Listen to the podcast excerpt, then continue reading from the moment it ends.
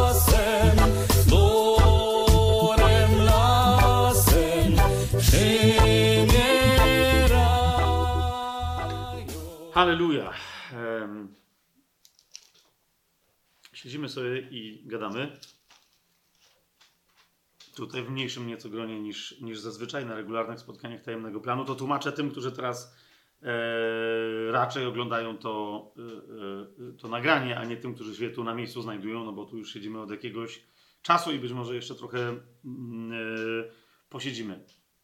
Rozważamy aktualną sytuację na świecie. Są wakacje 2022 roku. 2022 roku jest sierpień 2022 roku.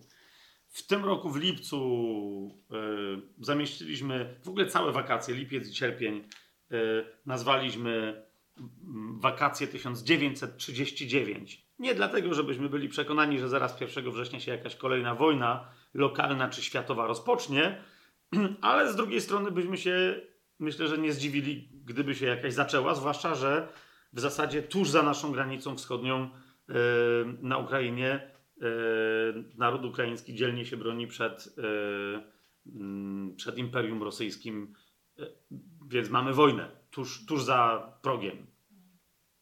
Teraz między innymi to, podobnie jak wydarzenia ostatnich dwóch lat, choroba, która dotknęła ludzi wszędzie na świecie, która pozamykała całe kraje, miasta, kościoły pod tytułem lockdownów wszelkiego rodzaju. Teraz ta wojna tuż u, u, u, u wrót. To wszystko powoduje, że yy, wszędzie w kościele, nie tylko w Polsce, wszędzie na świecie ludzie widzą rozmaite zawirowania, potrząsanie, żeby nie rzec wręcz, że trzęsienie ziemi w kościele. Yy, I są dwie takie reakcje, które żeśmy zaobserwowali. Jedna to jest ucieczka od tego. Nie? Yy, Niektórzy skorzystali z lockdownów, przestali chodzić na spotkania jakichkolwiek kościołów, wspólnot i tak Jak przestali chodzić, a, one się potem wróciły w miarę do normy, to oni już nie wrócili, bo uznali, a to będę coś tam oglądać przez internet. Ale często ta postawa wynika z tego, że ludzie nie chcą się skonfrontować e, z tym niepokojem, który wszystkich coraz bardziej dotyka. Wiecie o czym mówię? Mm, poczuciem dyskomfortu, że coś jest nie tak na świecie. I nawet jeżeli y, ludzie piszą pocieszające tweety, maile, y, robią graffiti na ścianach, że jeszcze będzie przepięknie, jeszcze będzie wspaniale, to coraz mniej ludzi w to wierzy, bo coraz więcej ludzi widzi narastające wszelkiego rodzaju kryzysy.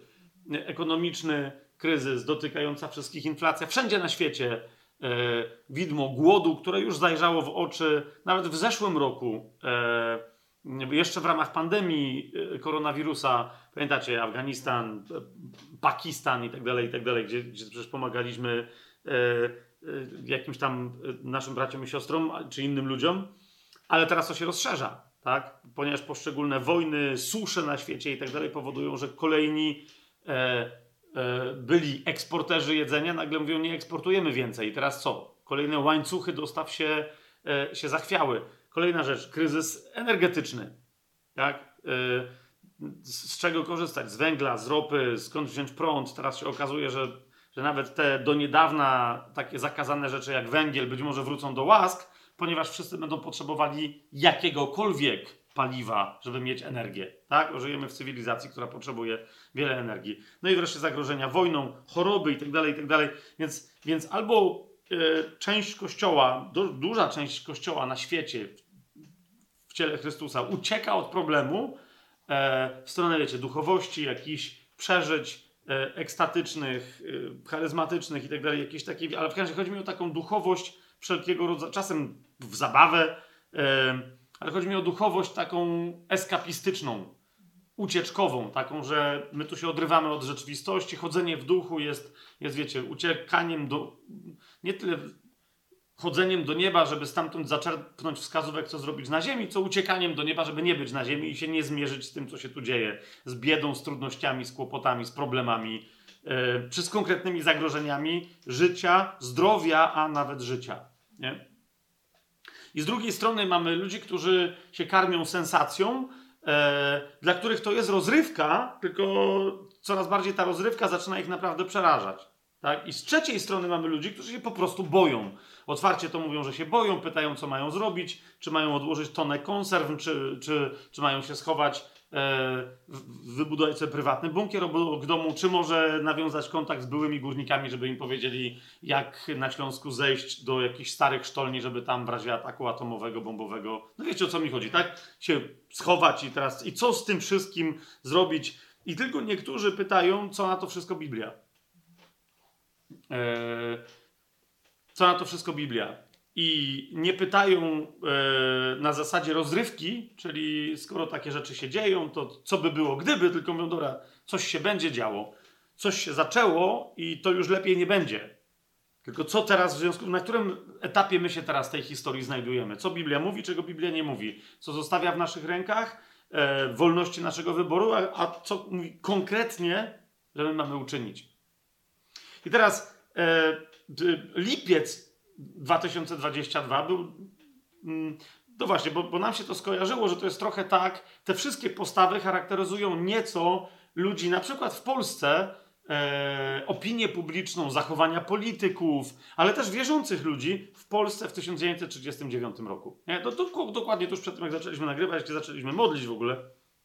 E, właśnie wspomniałem o stronie, tak? Ym, ona ma tytuł Cisza przed burzą, ale jeszcze raz, adres to jest www lato39 www.lato39.pl Nie, Więc je- jeżeli chcecie, e, możecie sobie tam zajrzeć, postudiować. Tam są na przykład nagłówki gazet z lipca i z sierpnia. E, jaki humor się w gazetach pojawiał. No bo to były naj, najpoważniejsze media, tak? Codzienne gazety, ilustrowane gazety, tygodniki itd., itd. Y, czego się tyczyły audycje radiowe. No jak się wtedy ludzie zachowywali? Kto panikował?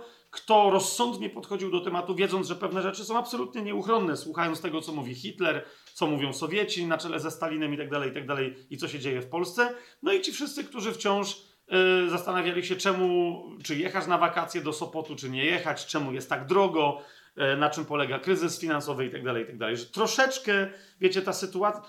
Ja się zastanawiam, czy gdyby wszyscy wtedy wiedzieli z całą pewnością, rozumiecie, stuprocentowo, co się wydarzy 1 września, ale wiedzieliby, czy, czy, czy lipiec i sierpień 1939 roku w Polsce wyglądałby jakoś inaczej? Czy nadal byliby ludzie, którzy powiedzieli nie, inni tak, inni w ramach paniki robiliby głupie rzeczy i tak dalej, i tak. Kto wtedy by się zwrócił do Słowa Bożego, skoro my wiemy, że wybuchnie wojna tak potworna, w wyniku której yy, miliony, ja już pomijam, wiecie, dziesiątki, czy nawet tam chyba to w setki idzie milionów em, e, ofiar II wojny światowej łącznie, po, na wszystkich frontach, łącznie z Niemcami. Chodzi mi o to, że wiecie, wszyscy, jak ginie człowiek, to ginie człowiek.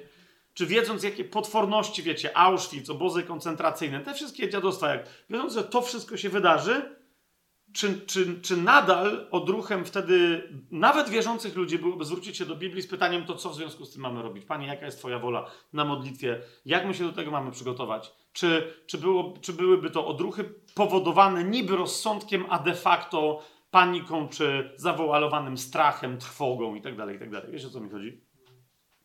Więc y, troszeczkę tych tematów żeśmy dotykali w lipcu. Jeżeli ktoś tych tematów nie odsłuchał, a teraz jest zainteresowany, no to niech sobie posłucha tego, co się działo e, w lipcu w ramach serii Wakacje 1939 na tajemnym planie. Natomiast teraz w sierpniu rozważamy kwestię jeźdźców apokalipsy. Dlaczego? Ponieważ jeżeli coś charakteryzuje czas, w który właśnie wchodzimy, i teraz tak dużo o tym przy różnych okazjach na tajemnym planie mówiliśmy, że ja dzisiaj tego nie będę uzasadniać, co się dzieje, no po prostu yy, yy, mamy przekonanie, nie tylko ja, masę ludzi na świecie ma przekonanie, że my już wchodzimy. Yy, w zasadzie, jak już się zaczęła pande pandemia koronawirusa, myśmy wtedy chyba opublikowali nawet yy, jedno, czy, czy nawet więcej nagrań. W, w każdym razie myśl tam wspólna była, że to jest początek boleści. Nie? I tak jest też rozumienie wielu chrześcijan na całym świecie, że to jest początek boleści. Chociaż no, w nie do końca właściwym sensie, ale no, jesteśmy naprawdę na granicy początku e, boleści. Świat jest do tego pod względem politycznym, technologicznym, militarnym itd. przez e, siły zła przygotowywany. Diabeł wie, że ma bardzo niewiele e, czasu. I teraz te siły, które pomagają diabłu, złu, tak? Em, w- jest jedno miejsce w Biblii, które są opisane w prostym obrazie e, tak zwanych czterech jeźdźców apokalipsy. W popkulturze i tak dalej oni są w ten sposób nazywani. To jest fragment, e, który się znajduje w Księdze Objawienia w szóstym rozdziale i my sobie od niego zaczniemy. Będziemy e, w ciągu najbliższych paru spotkań sobie dosyć tak oględnie, to nie jest, wiecie, dogłębne studium Słowa Bożego, bo to przy okazji w regularnym sezonie, w ostatnim sezonie Tajemnego Planu, jeszcze nie wiemy, który to będzie, 15 czy 16 czy 17 może, ale w każdym razie w ostatnim z tych, które robi y, w ramach tych sezonów, w ramach których robimy wprowadzenia do y, poszczególnych ksiąg i tematów e, Starego i Nowego Testamentu. No to będzie ostatni sezon i tam wtedy będzie dokładnie, będziemy rozważać całą Księgę Objawienia, w tym między innymi szósty rozdział i tych jeźdźców Apokalipsy. Ale my się im chcemy teraz przyjrzeć w takim kontekście, no nie czekając do, bo ten sezon to może być przyszły rok, a być może, czyli 2023, a być może początek 2024. Taki, taki jest plan, tak? Ale być może, że my już teraz potrzebujemy mm, czegoś o tych jeźdźcach się dowiedzieć. Dlaczego? Bo tych czterech jeźdźców to są siły, które się skumulują w końcu, w dniach ostatnich końca czasów, czyli dokładnie w czasie, w którym my się teraz znajdujemy. Tak? Czy Pan Jezus wróci za, mm, za, za parę lat, czy, czy to będzie 7, czy, czy może za 10, czy za 15, czy za 21, ale to jest wciąż nasze pokolenie. Czy my wszyscy tego dożyjemy w taki czy inny sposób? Ja jestem przekonany z wielu różnych powodów, że to jest nasze pokolenie po prostu, które oczekuje na powrót Pana Jezusa, na pochwycenie Kościoła nas, ale no wiecie, to się zdarzy w, w niedalekiej odległości od jego od objawienia się Antychrysta i powrotu y, ostatecznie Pana Jezusa na ziemię, bo jak się Antychryst objawi i wszyscy będą wiedzieć już na ziemię, że to jest Antychryst, to potem jest 3,5 roku i wraca Pan Jezus. To Biblia co do tego jest akurat jasna. A zatem e, e, te, te, te cztery, te, te, te najważniejsze siły są przedstawione jako czterech jeźdźców apokalipsy. Za każdym razem, kiedy, kiedy ludzkość w całości, cała Ziemia jest dotykana jakimś diabolicznym kryzysem, to zasadniczo te cztery duchy, bo to są duchy, zwierzchności diaboliczne się podnoszą i każda e, w ramach tych odpowiedzialności, tej swojej specjalizacji, jaką ma, e, dotyka w kooperacji z, pozostałymi siłami czy konkretnego narodu, czy konkretnej grupy ludzi, czy konkretnego kontynentu, czy wręcz całej Ziemi. Tak? Pierwsza i druga wojna światowa była już demonstracją dotknięcia czy to całego kontynentu, czy wręcz całej Ziemi. Tak? Bo nawet jeżeli nie było wojny w Ameryce Północnej, czy w Australii, czy to, to cała Ziemia była dotknięta e, faktem, że w tak wielu miejscach na świecie, w Europie, w Azji, w Afryce odbywały się działania, poważne działania militarne i, i, i ginęły miliony e, ludzi, dotknęło to gospodarki i, i tak dalej, i tak dalej. Zatem będziemy się w ciągu najbliższych trzech spotkań przyglądać trzem jeźdźcom apokalipsy. Dzisiaj zaczynamy od drugiego. Teraz ktoś zapyta zaraz, no ale przecież cały czas gadam, że jest czterech, to czemu będziemy patrzeć na trzech? Otóż, dlaczego, dlaczego się, albo wręcz ktoś, nie wiem, właśnie włączył to nagranie i mówi, zaraz jest drugi jeździec z Apokalipsy, a gdzie jest pierwszy? Czemu nie rozważamy? Ponieważ pierwszego jeźdźca Apokalipsy rozważaliśmy kiedy indziej. Yy, otwórzmy sobie szósty rozdział. Yy, od początku w szóstym rozdziale czytamy następującą yy, rzecz. Od pierwszego, pierwszy i drugi werset. Zobaczyłem, gdy baranek otworzył pierwszą z pieczęci i usłyszałem pierwsze z czterech stworzeń mówiące jakby głosem gromu chodź i zobacz. Oto zobaczyłem, yy, a oto biały koń, ten zaś, który na nim siedział, miał łuk. I dano mu koronę i wyruszył jako zwycięzca, żeby zwyciężać.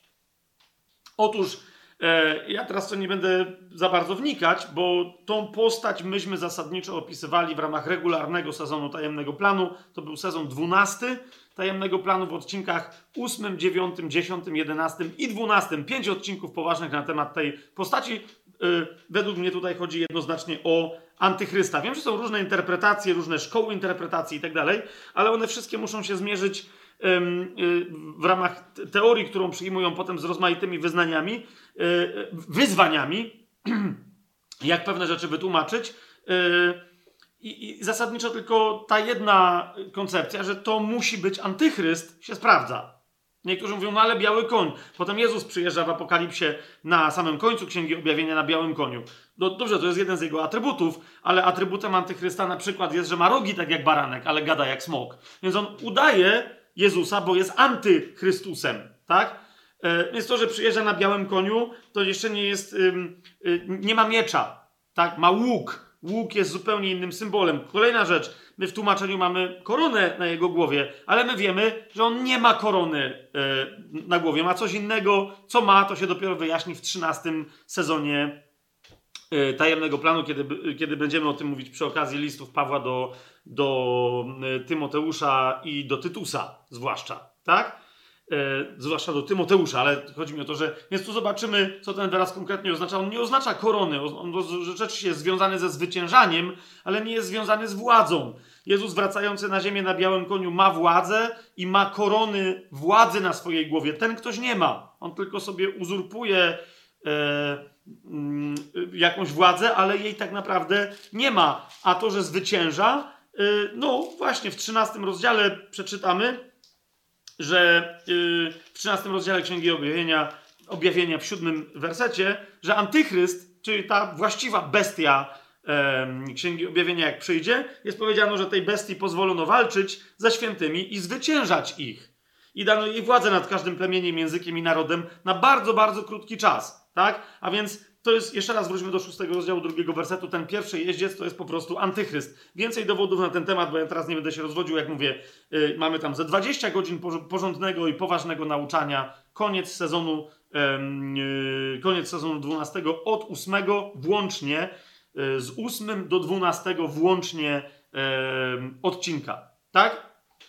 To jest antychryst. Więc to jest jeden z czterech jeźdźców, ale chodzi mi o to, że on w ramach, y, kiedy on, on, w jego duchu różni przywódcy wcześniej działali, ale tutaj chodzi o sam koniec czasów. Kiedy ten duch się podnosi, on niekoniecznie pokazywał właściwego antychrysta, bo ten przyjdzie tylko raz na końcu czasów. To jest jeszcze wydarzenie przed nami, ale kiedy ten duch się podnosił, żeby robić krzywdę ludzkości, zawsze z nim przychodziło pozostałych trzech jeźdźców. Tak? To jest jeździec na koniu czerwonym lub też rudym, zaraz sobie wyjaśnimy y, ten wyraz, to jest szósty rozdział, y, czwarty werset, tam się pojawia jeździec na koniu rudym, e, który potocznie jest nazywany wojną. Rzeczywiście to jest ktoś, to jest zwierzchność, która ma możliwość odbierania ziemi, całej ziemi, całej ludzkości pokoju. W takim rozumieniu, że pokój to jest stan, kiedy nie ma wojny. Więc jeżeli on odbiera pokój, to znaczy, że powoduje wojnę. Teraz widzicie, ja bym go raczej nazywał, po angielsku niektórzy go nazywają peacebreakerem, czyli kimś, kto łamie pokój, bo on niekoniecznie wprowadza wojnę. On tylko odbiera ludziom pokój w taki sposób, że ludzie zaczynają się nawzajem nienawidzić i zabijać.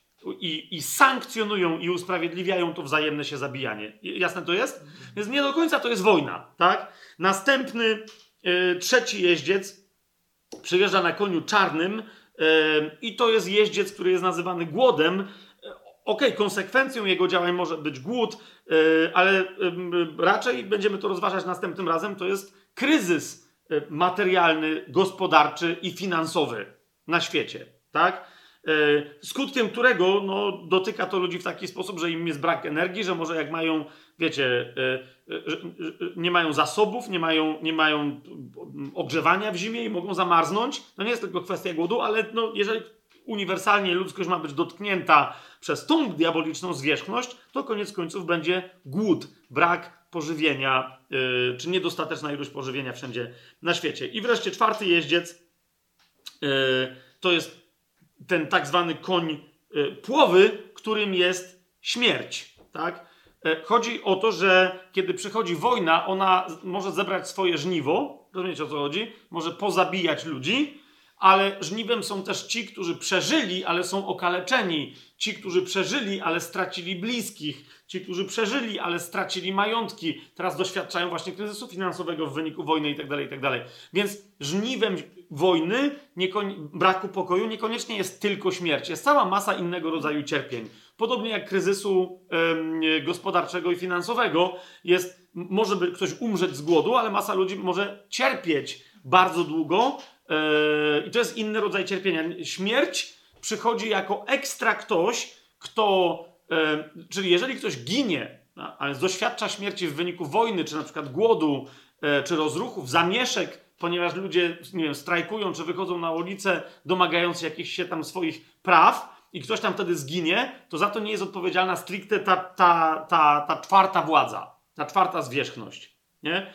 Ona przysyła nieszczęśliwe wypadki, ona jest odpowiedzialna za pandemię, za choroby, ona jest, które, wiecie, nie ma wtedy winnego, nie wiadomo co, co się dzieje, rozprzestrzenia się wirus i zabija ym, ludzi, za napaści dzikich zwierząt, za żywioły, trzęsienia ziemi itd., tak itd. Tak wiecie, czyli to jest siła, wojna zabija na swój sposób, kryzys zabija na swój sposób, a śmierć to jest ktoś, kto zabija na jeszcze inne sposoby niż te dwie poprzednie zwierzchności. To jest jasne, co mówię. I teraz Biblia powiada, że w wyniku działania w końcu czasów tych czterech sił, czyli antychrysta, y, któremu służą i któremu, którego przyjście przygotowują, y, nazywamy nadal tych jeźdźców potocznie, wojna, głód y, i śmierć, w wyniku tego zginie, zobaczcie razem ze mną ósmy werset, jest powiedziane, dano im władzę nad czwartą częścią ziemi, aby zabijali mieczem i głodem, i zarazą, i przez zwierzęta, e, czy też bestie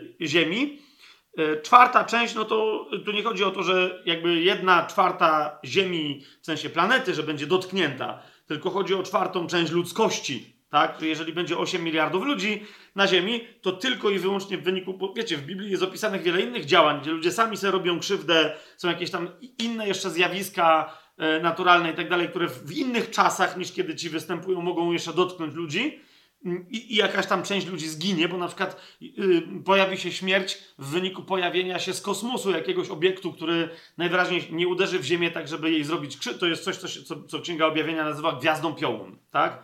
to coś się rozpadnie, ale to zanieczyści wodę na całej ziemi, także część ludzkości e, i tam zwierząt i tak dalej może się otruć e, e, tą wodą. Więc to nie są ci zawodnicy, tak? Ale ci zawodnicy mogą dotknąć czwartej części ludzkości. Czyli, rozumiecie, jeżeli ludzkość będzie miała 8 miliardów ludzi, no to łatwo policzyć e, 2 miliarda ludzi. E, no to to jest coś, coś absolutnie szalonego i, i, i przerażającego, tak?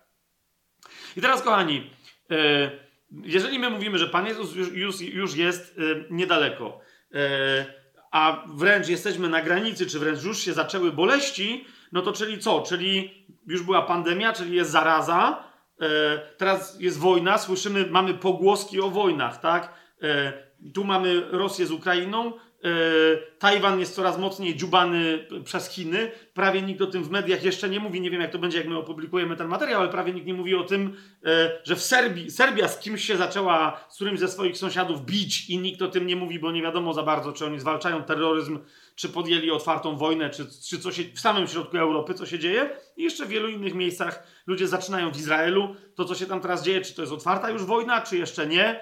No właśnie. Tak? Więc dzisiaj rozważamy tego drugiego jeźdźca, który ewidentnie przygotowuje przyjście antychrysta wraz z kryzysem yy, gospodarczo-finansowym i z innymi wydarzeniami, które będą doprowadzać ludzi do śmierci. To jest wojna.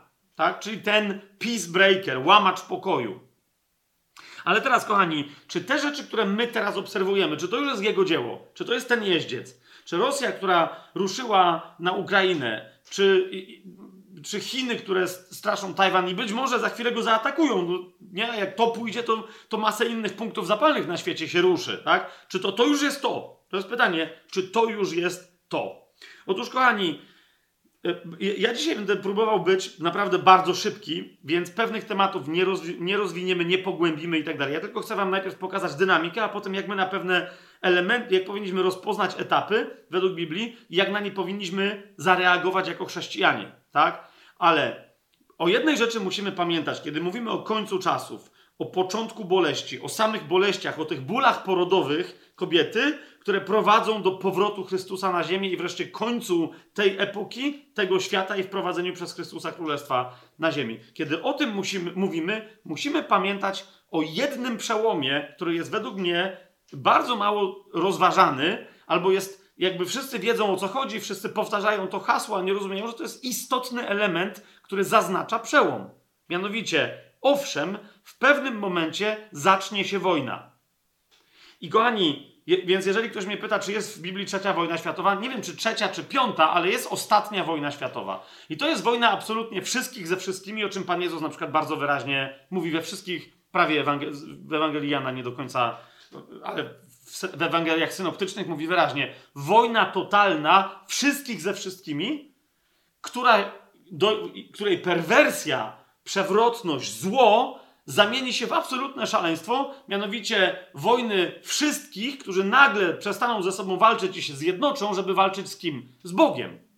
Ale wiecie, w ramach kompletnej niewiary, ateizmu, satanizmu, ludzie nagle na powrót zaczną perwersyjnie wierzyć w Boga, uwierzą w powrót Chrystusa na ziemię i przygotują się, to będzie jedyna rzecz, która ich wszystkie militaria, armie i tak dalej zjednoczy, czyli żeby wyjść do walki z Nim. Teraz jak to się będzie działo? Kiedy? Co? Kiedy będzie wojna totalna, a kiedy... Co się tu będzie działo? Otóż, kochani, zanim nastąpią te wojny i się pojawi ten właściwy jeździec, najpierw musi być pokój. Najpierw musi być pokój. Pozwólcie szybciutko razem ze mną prześledź. Jest, jest wiele in, innych fragmentów, ale ja tylko chcę, żebyśmy po prostu mieli kręgosłup. Jasne? Jak będziemy mieli kręgosłup, to wtedy będzie łatwo inne fragmenty wyśledzić, prześledzić i przestudiować. Amen, mam na to? Najpierw otworzymy sobie pierwszy list do Tesaloniczan. Pierwszy list do Tesaloniczan. Tam jest dokładnie ten taki fragment, na który wszyscy się powołują, a potem no właśnie, a potem jest, zaczyna się nagle pojawiać problem, jak, jak padnie pytanie, gdzie konkretnie w kalendarzu dni ostatnich się ten moment, który wszyscy, którego hasło wszyscy znają i, i cytują i powtarzają, jak, jak, nagle pada pytanie, gdzie ten moment mamy umiejscowić, to nagle jest. E, nie? I się zaczynają niepotrzebne spory. To jest pierwszy list do Tesaloniczan, piąty rozdział, wersety od pierwszego do trzeciego. I wyraźnie w pierwszym wersecie już czytamy, Paweł mówi, że to jest dokładnie e, to, o czym on tu pisze, trzeba rozumieć chronologię zdarzeń. Bo mówi tak, o czasach i porach, bracia, nie potrzebujecie, aby wam pisano. No Tesaloniczanie nie potrzebowali, ale my ewidentnie dzisiaj potrzebujemy sobie przypomnieć, jak się mają czasy i chwile, jak, się, jak wygląda oś, kalendarium, chronologia czasów i dni ostatnich. Tak? Okej. Okay. I on teraz mówi tak: Sami bowiem dokładnie wiecie, że dzień Pana przyjdzie jak złodziej w nocy. Chcę, żebyście sobie zapamiętali to. Ono, to, to powiedzenie ma różne kon konteksty, ale akurat ze względu na trzeci werset, ten kontekst potem znajduje swoje bardzo interesujące odzwierciedlenie w innej księdze, która mówi konkretnie o chronologii zdarzeń. Okay? Więc, ale on tutaj mówi, że sami dokładnie wiecie, że dzień Pana przyjdzie jak złodziej w nocy. I mówi, bo gdy będą mówić pokój i bezpieczeństwo, widzicie, że pojawia się moment pokój i bezpieczeństwo. Gdy będą mówić pokój i bezpieczeństwo, wtedy przyjdzie na nich nagła zguba, jak bóle na kobietę brzemienną i nie ujdą. A więc wtedy zacznie się poród. Z całym szacunkiem, ale myśmy jeszcze nie mieli sytuacji, w której cały świat był powiedział pokój i bezpieczeństwo. Zwróciliście na to uwagę? Więc my mamy, my już wiemy, że mamy kobietę w ciąży. Ale według mnie, nawet jeżeli zaznaczamy, że bóle porodowe już się zaczynają, halo, to jest początek boleści, halo, halo, halo, to tak naprawdę one się jeszcze nie zaczęły. Ok? Kiedy będą mówić pokój i bezpieczeństwo, wtedy przyjdzie na nich nagła zguba, jak bóle na kobietę brzemienną i nie ujdą. W Biblii to określenie bóle brzemiennej, czyli skurcze porodowe, które się zaczynają i które skończą się porodem, to określenie pojawia się w Biblii e, bodaj 4 czy 5 razy. E, raz chyba, czy dwa razy w dziejach apostolskich w nieco innym kontekście, ale pozostałe konteksty się tyczą końca czasów. Rozumiecie, że, że nie ma opisów y, ciąży, porodu i tak dalej, to się tyczy historiozofii, to się tyczy historii, tak? W jakim innym miejscu pojawia się to określenie? Tylko pamiętajcie o tym, kiedy najpierw powiedzą pokój i bezpieczeństwo, wtedy zaczną się dopiero bóle porodowe, tak? Więc pamiętajcie, Bóle porodowe są związane z wyjazdem czterech jeźdźców apokalipsy, objawieniem się ich, tak że wszyscy będą wiedzieli, że to jest to. Tak? Więc kiedy będziemy wiedzieli z całą pewnością, że teraz to się zaczęło? Kiedy usłyszymy pokój i bezpieczeństwo. Albo świat w każdym razie usłyszy pokój i bezpieczeństwo. Jak Pan Jezus do tego się odnosi? Kiedy On mówi, że to będzie miało miejsce? W Ewangelii Mateusza w 24 rozdziale, a więc w tym sławnym rozdziale, w którym jest pytany przez swoich uczniów w trzecim wersecie 24 rozdziału. Powiedz nam, kiedy się to stanie i jaki będzie znak Twojego przyjścia i końca świata. To jest dokładnie o, cały rozdział. Pan Jezus tam odpowiada, jakie będą znaki, co się będzie działo i tak dalej, i tak dalej. Tylko istnieje pewien problem, w ramach którego trzeba 24 rozdział Ewangelii Mateusza porównać z 21 rozdziałem Ewangelii Łukasza, ponieważ Jezus tu mówi o dwóch płaszczyznach, o pewnych wydarzeniach, które mają przyjść już niedługo, czyli do 70 roku naszej ery na Jerozolimę oraz jak paralelnie te wydarzenia zapowiedzą wydarzenia absolutnie końca czasów, które są jeszcze przed nami. Tak? A więc pewne wydarzenia tutaj, te, do których Jezus nawiązywał i czynił aluzję, już miały miejsce, ale większość z nich nie miało miejsca, tak? Które, to jest to bardzo łatwo wyczytać z kontekstu, tylko jeszcze raz mówię, trzeba czytać właściwy tekst, zobaczyć jakim, jakim, jakimi czasami się Pan Jezus posługuje, kiedy mówi, co będzie miało miejsce, co po czym i tak dalej, i tak dalej. Wtedy można złapać chronologię. Ale my się teraz tą całkowitą chronologią nie zajmujemy, tylko tym, kiedy wyjedzie drugi jeździec apokalipsy, czyli wojna, czyli łamacz pokoju. Okej? Okay? Ewangelia Mateusza, 24 rozdział, zobaczcie, 8, 7 y, i 8 werset. Pan Jezus mówi: Powstanie bowiem naród przeciwko narodowi i królestwo przeciwko królestwu. I dodaje: I będzie głód, zaraza i trzęsienia ziemi miejscami. Ok? Ale to wszystko jest początkiem boleści. Jezus mówi: To wszystko jest początkiem boleści. Widzicie to? Czyli jeszcze raz, musi świat powiedzieć najpierw pokój i bezpieczeństwo, i nagle coś się wydarzy, i, i, i Paweł mówi, że, że, że, że nagle przyjdą na nich bóle porodowe. To jest ten sam wyraz. Jasne to jest? To jest ten sam wyraz. Wtedy się zaczną bóle porodowe. A więc bóle porodowe to będzie wyjazd czterech jeźdźców apokalipsy. Czy to mamy, mamy jasne? Zobaczcie potwierdzenie tego w Ewangelii Marka, 13 rozdziale, w 8 wersecie, powstanie naród, bowiem naród przeciwko narodowi i królestwo przeciwko królestwu. Będą też miejscami trzęsienia ziemi, a także głód i zamęt To jest początek boleści. Znowu, tak? I teraz na co chcę zwrócić uwagę, bo to już drugi raz u Marka czytamy. Powstanie naród przeciwko narodowi. Tam po grecku mamy słowo etnos, czyli, czyli naród, tak? Mamy naród polski, ukraiński, rosyjski, e, kirgijski, czeski, niemiecki e, i tak dalej.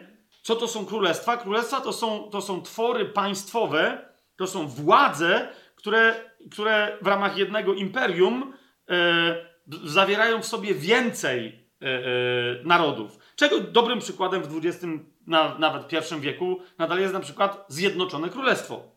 United Kingdom, tak? Wielka Brytania, które ma i Irlandczyków z północy, i Anglików, i, i Walijczyków, i Szkotów. To jasne jest to, to co mówię? Tak, więc to, to są to. Ale teraz zauważcie, powstanie naród przeciwko narodowi, królestwo przeciw królestwu. Może się zdarzyć, że powstanie taka państwowość, jak na przykład Wielka Brytania przeciwko, nie wiem, Francji, a potem się może okazać, że ale w ramach y, tej wojny nagle Szkoci sobie przypomną, że nie cierpią Anglików i tam się zacznie, tak? Albo nagle Walijczycy okaże się, że są wojowniczy i nie wiem, zechcą coś komuś tam udowadniać i tak dalej. Więc pamiętajmy o tym, że zamęt kiedy się zacznie na świecie, nawet jak wystąpi jedno królestwo przeciwko innemu królestwu, jakaś jedna władza, imperium, typu Stany Zjednoczone kontra Chiny, inni zaczną z tego korzystać i to będzie wpływ tej zwierzchności, która jest peacebreakerem. Ona spowoduje, że ludzie zaczną w ogóle uznawać, że ma to sens i jest usprawiedliwione, żeby odbierać innym ludziom życie. Czemu? Bo są z innego państwa, z innego królestwa, z innego narodu. E, wszystkie zamierzchłe, stare historie zaczną wracać. Okay? Przeczytajmy jeszcze Ewangelię Łukasza, 21 rozdział. Dla porównania paralelny fragment Ewangelia Łukasza, 21 rozdział. Od 10 e, wersetu Łukasz pisze: Powstanie naród przeciwko narodowi i królestwo przeciw królestwu. I będą miejscami wielkie trzęsienia ziemi oraz głód i zaraza, będą także straszne zjawiska i wielkie znaki z nieba.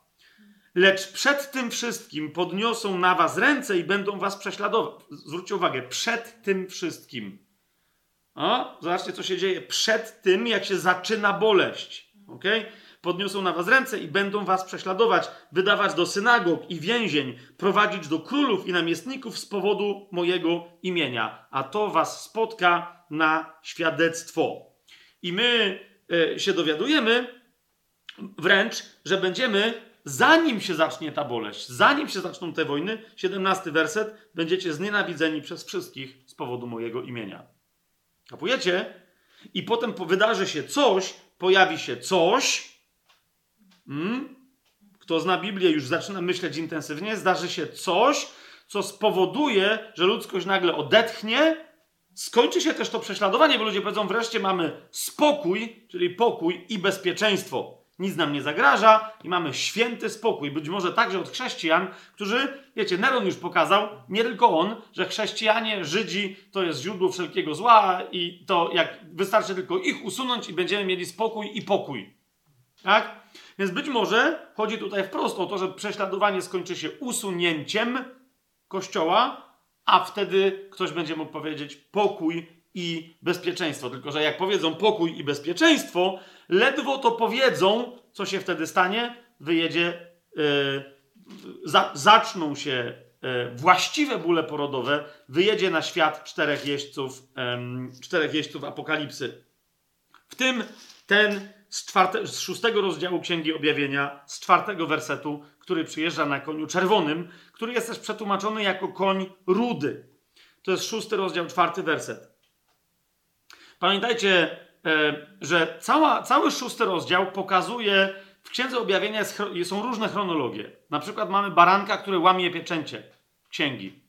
Potem mamy na przykład e, trąby, yy, które rozbrzmiewają nad ziemią. Mamy czasze gniewu wylewane na ziemię i tak dalej. Tego. One niektóre na siebie zachodzą i tak dalej. Znowu nie, nie będziemy tego dzisiaj rozważać, ale pamiętajcie, że to nie jest jedyna chronologia, to łamanie pieczęci. Idzie tylko o to, że to jest chronologia czegoś, co Biblia nazywa tu wprost otwarcie gniewem baranka. Cierpliwość Jezusa, łaska, epoka łaski, czyli od momentu jego zmartwychwstania, trwać będzie do momentu jego powrotu na ziemię i to, tu to będą, rozumiecie, to łamanie, wyjazd jeźdźców apokalipsy na całą ziemię, ale nie tylko to, będzie zaznaczeniem, nadchodzi koniec epoki łaski.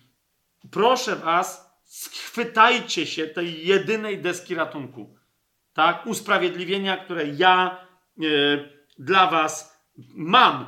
Wciąż, mimo że to będzie jasne dla wszystkich ludzi, zobaczcie końcówkę szóstego rozdziału. 15 werset y, i dalej. Królowie ziemscy i możnowładcy, i bogacze, i wodzowie, i mocarze, a nawet każdy niewolnik i każdy wolny ukryli się w jaskiniach i skałach górskich. Widzicie, będzie jasne dla całej ludzkości, że Pan nadchodzi z nieba, tak?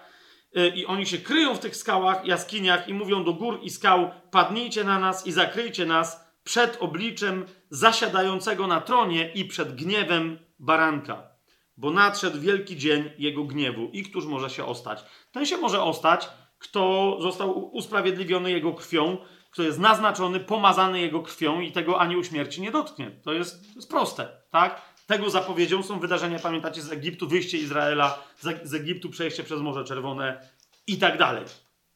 I teraz, kochani, e, ci jeźdźcy wyjeżdżają na ziemię, to jest, to są, to, są, to są pewne demoniczne władze uwolnione, które mają możliwość działania przez krótką chwilę, jako ostatnia, że się tak teraz zbyt delikatnie wyrażę, z przypominajek, z czerwonych lampek alarmowych i, i, i, i syren alarmowych dla ludzkości, ratuj się kto może. Bo Pan wraca i wy wiecie, kto wraca, skąd wraca. To nie będzie żaden e, Allah, Mahdi, ktokolwiek. Wszyscy będą wiedzieć, dzisiaj też wszyscy wiedzą.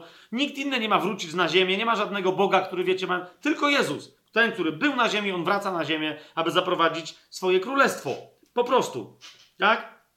I teraz, kochani, co będzie momentem przełomowym, czyli którym momencie lu- ludzkość miałaby powiedzieć pokój i bezpieczeństwo i w którym momencie miałby ten pokój i bezpieczeństwo być złamany? Przez kogo? Przez baranka?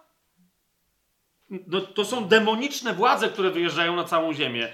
Zatem co musiałoby się wydarzyć? Jeszcze raz wróćmy sobie do tych przemów Pana Jezusa, kiedy On mówi o końcu świata. I teraz y, y, na przykład w Ewangelii Marka, jak ją sobie otworzymy z powrotem, 13 rozdział.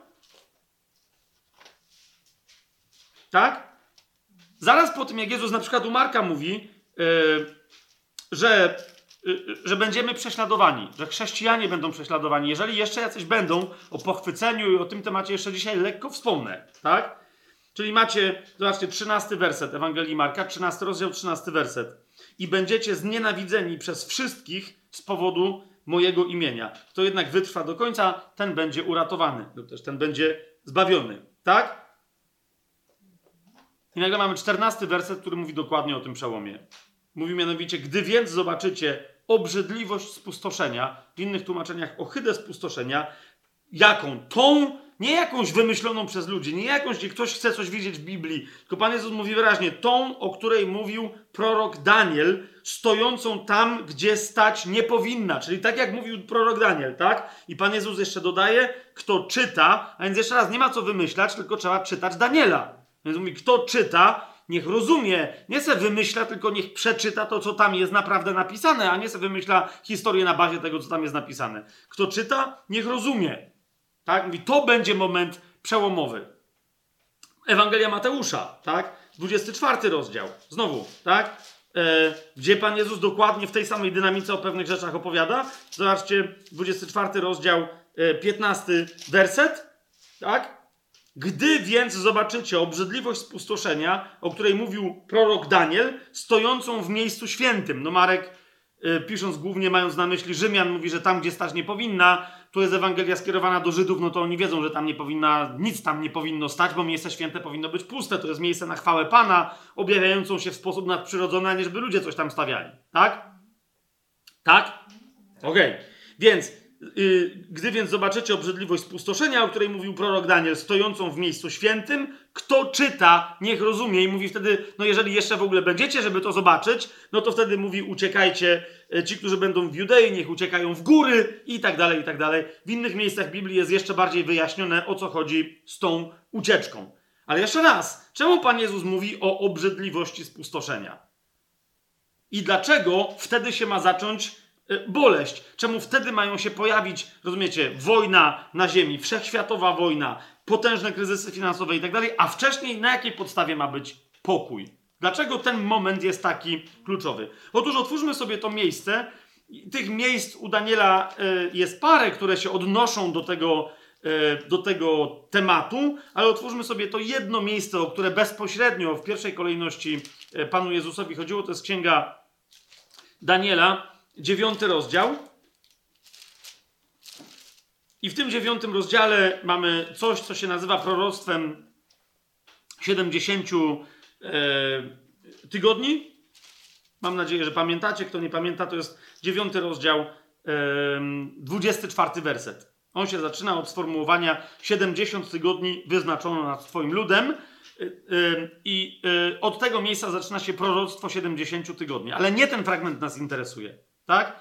Interesuje nas fragment, który się tyczy ostatniego 70 z tych 70 tygodnia. Tak? To są, jeszcze raz, pamiętajcie, to, tu nie chodzi o tygodnie w miesiącu, tylko tutaj chodzi o 7 lat. E, ponieważ tym określeniem jest nazwane e, także siódemka lat. Siódemka miesięcy może być nazwana tak, e, ale tu chodzi o 7 lat. A więc jest 69 siedmioletnich cząstek, z których tam się składa pewien jeden konkretny okres, i potem następuje przerwa, a potem pojawia się na samym końcu ludzkości siedem ostatnich lat, po których wróci Pan Jezus. Tak? I teraz tych siedem ostatnich lat, czym się będzie charakteryzować? Zobaczcie, dziewiąty rozdział, 27 werset. Ok? Otóż dowiadujemy się, ja teraz nie, jeszcze raz, kto będzie słuchać wykładu na temat antychrysta, to zobaczy, że to jest, wtedy się pojawi antychryst, tak? A więc pierwszy jeździec apokalipsy, ale który może nie być rozpoznany, tak? Natomiast on już rozpocznie ideologię, działania i tak dalej, które jawnie będą występować przeciwko Bogu, przeciwko jego ludowi, przeciwko chrześcijaństwu i tak dalej, i tak dalej, tak? I teraz w pewnym momencie ten człowiek wprowadzi jakiś rodzaj przymierza, jakiś rodzaj porozumienia, które wprowadzi poczucie pokoju i bezpieczeństwa na całą ziemię. W różnych miejscach Biblii znajdujemy aluzje, odniesienia, komentarze do tego fragmentu, ale tutaj, bo Pan Jezus mówi, tam to przeczytajcie. I tam, z tamtego punktu wychodząc, zrozumiejcie całą resztę. A więc kiedy ten człowiek się objawi, w pewnym momencie wprowadzi pokój, który, porozumienie, które będzie zamierzone, aby w swojej pierwszej części trwało 7 lat. Jakby żeby ludzkość zobaczyła, że jest przepięknie, że jest elegancko, że jest pokój i bezpieczeństwo. Wreszcie wszystko rozwiązaliśmy. ok? Na 7 lat. Zobaczcie, to jest tutaj napisane, że ten człowiek, tu chodzi o antychrysta, utrwali przymierze z wieloma. Tu chodzi o wieloma, o wielu władców, wiele narodów na całej ziemi i tak dalej. Na jeden tydzień. Nie przez jeden tydzień, tylko na jeden tydzień. Zawiąże przymierze. Umówią się to jest według mnie moment ogłoszenia na świecie, zresztą wszystkich innych komentatorów, to jest moment ogłoszenia pokój i bezpieczeństwo. Czyli rozumiecie, wcześniej y, tu muszą być prześladowania chrześcijan, ale być może, być może, że tu dalej trwają prześladowania. Kapujecie? Pokój i bezpieczeństwo dla kogo? Dla tych, którzy, pamiętacie 13 rozdział Księgi Objawienia, którzy przyjmą znamię bestii, oddadzą jej pokłon i tak dalej. Kto nie przyjmie, będzie prześladowany i odda swoje życie, nie będzie mógł ani kupić, ani sprzedać i tak dalej. Jasne? Teraz dlaczego, no to w którym momencie, jeżeli 7 lat to ma trwać, to w którym momencie co tu się dzieje? Otóż Słowo Boże mówi, że w połowie tego tygodnia, czyli kiedy minie 3,5 roku tego pokoju i bezpieczeństwa, tego nowego systemu na całym świecie, połowie tego tygodnia sprawi ten, kto zawiązał to przymierze, że ustanie ofiara spalana i ofiara z pokarmów. Gdzie? W świątyni jerozolimskiej. To będzie w Jerozolimie, ok? A więc będzie świątynia jerozolimska, będzie odbudowana, będzie normalnie funkcjonował Sanhedryn, zresztą on już funkcjonuje, będą tam składane codzienne ofiary, ofiary itd., tak itd. Tak Być może ona będzie otwarta, ta świątynia, na znak tego, że zobaczcie, na Bliskim Wschodzie mamy pokój i bezpieczeństwo. Hej, zobaczcie, tak? Dzisiaj e, Instytut Świątynny, czyli ci, którzy są odpowiedzialni za odbudowywanie świątyni. E, wszędzie cała ich ideologia jest, że to nie ma być świątynia judaizmu, to ma być świątynia pokoju i porozumienia wszystkich narodów i wszystkich religii całego świata. To ma być świątynia 70 narodów świata, rozumiecie? Nowa kampania na Facebooku, tym jak ty, ty o tym mówiłeś i tak dalej, i tak dalej. To jest cały czas dokładnie to. Więc ja bym się nie zdziwił, gdyby znakiem zawiązania tego przymierza były, było ustanie wojen między islamem, Żydami, stworzenie wspólnego centrum ekumenicznego, również wiecie, z katolikami i tak dalej, i tak dalej. Pokazanie, że religie się mogą zjednoczyć. W końcu wyznajemy ideę jednego Boga. Nawet jak ktoś wielu, wyznaje wielu bogów, to jakby cool, bo ostatecznie wszyscy mają być dobrzy. Wiecie, ta religia dobra i zła i tak dalej, i tak dalej, i tak dalej. Nie? Więc on w połowie nagle dokona wolty, ten ktoś, tak? Dokona przewrotu, jak już wszyscy powiedzą, jest super, teraz ten ktoś, ja skracam teraz historię z Księgi Daniela, z Księgi Objawienia, powie, wiecie co, w zasadzie to wy tu coś czcicie, ale sęk w tym, że ja jestem Bogiem. Te, te wszystkie wasze idee, to prawdziwa jedność nastąpi, kiedy zaczniecie oddawać cześć mnie. Ok? I teraz on sam się wprowadzi do miejsca najświętszego, do świętego świętych w świątyni, zasiądzie tam na tronie i każe sobie oddawać cześć, a potem jeszcze paru jestestwom, które będą, y, które będą mu y, towarzyszyły. Ok? E, tam będzie fałszywy prorok, będzie obraz bestii, który ożyje i tak dalej, i tak dalej. To jest 13 rozdział Księgi Objawienia, nie będziemy teraz w to wchodzić. W każdym razie ten fragment tu, do którego Pan Jezus nas odwołuje, mówi w połowie tego tygodnia, czyli po trzech i pół latach sprawi, że ustanie ofiara spalana i ofiara z pokarmów, a przez mnóstwo obrzydliwości dokona spustoszenia aż do końca i wyleje się to, co postanowione na tego, który ma być spustoszony. Ponieważ on ostatecznie y, skończy y, tak, jak skończy. Czy mamy jasność? Czy mamy jasność? I teraz widzicie, w momencie, kiedy on zrobi to, co zrobi po trzech i pół latach, wtedy rozpocznie się w sensie właściwym, skończy się dla nawet świat, który wołał pokój i bezpieczeństwo, wtedy się wszystko skończy. Ok? I wtedy zacznie się właściwa boleść, wtedy, zacznie, wtedy się pojawią nie w sposób zawoalowany, ale otwarty ci jeźdźcy te zwierzchności, które wyjadą na, yy, na całą ziemię. Mamy to? Teraz, kochani, jak wygląda ta dynamika wojny yy, ostatecznej? Otwórzmy sobie siódmy rozdział Księgi Daniela. Siódmy rozdział Księgi Daniela.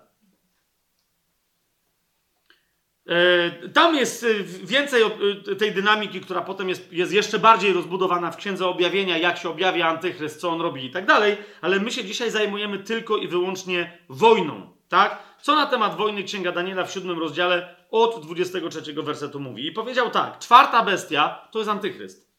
Mamy jasność w tej kwestii? To jest ten, który za... Halo? Mamy jasność? Żeby, bo to tak.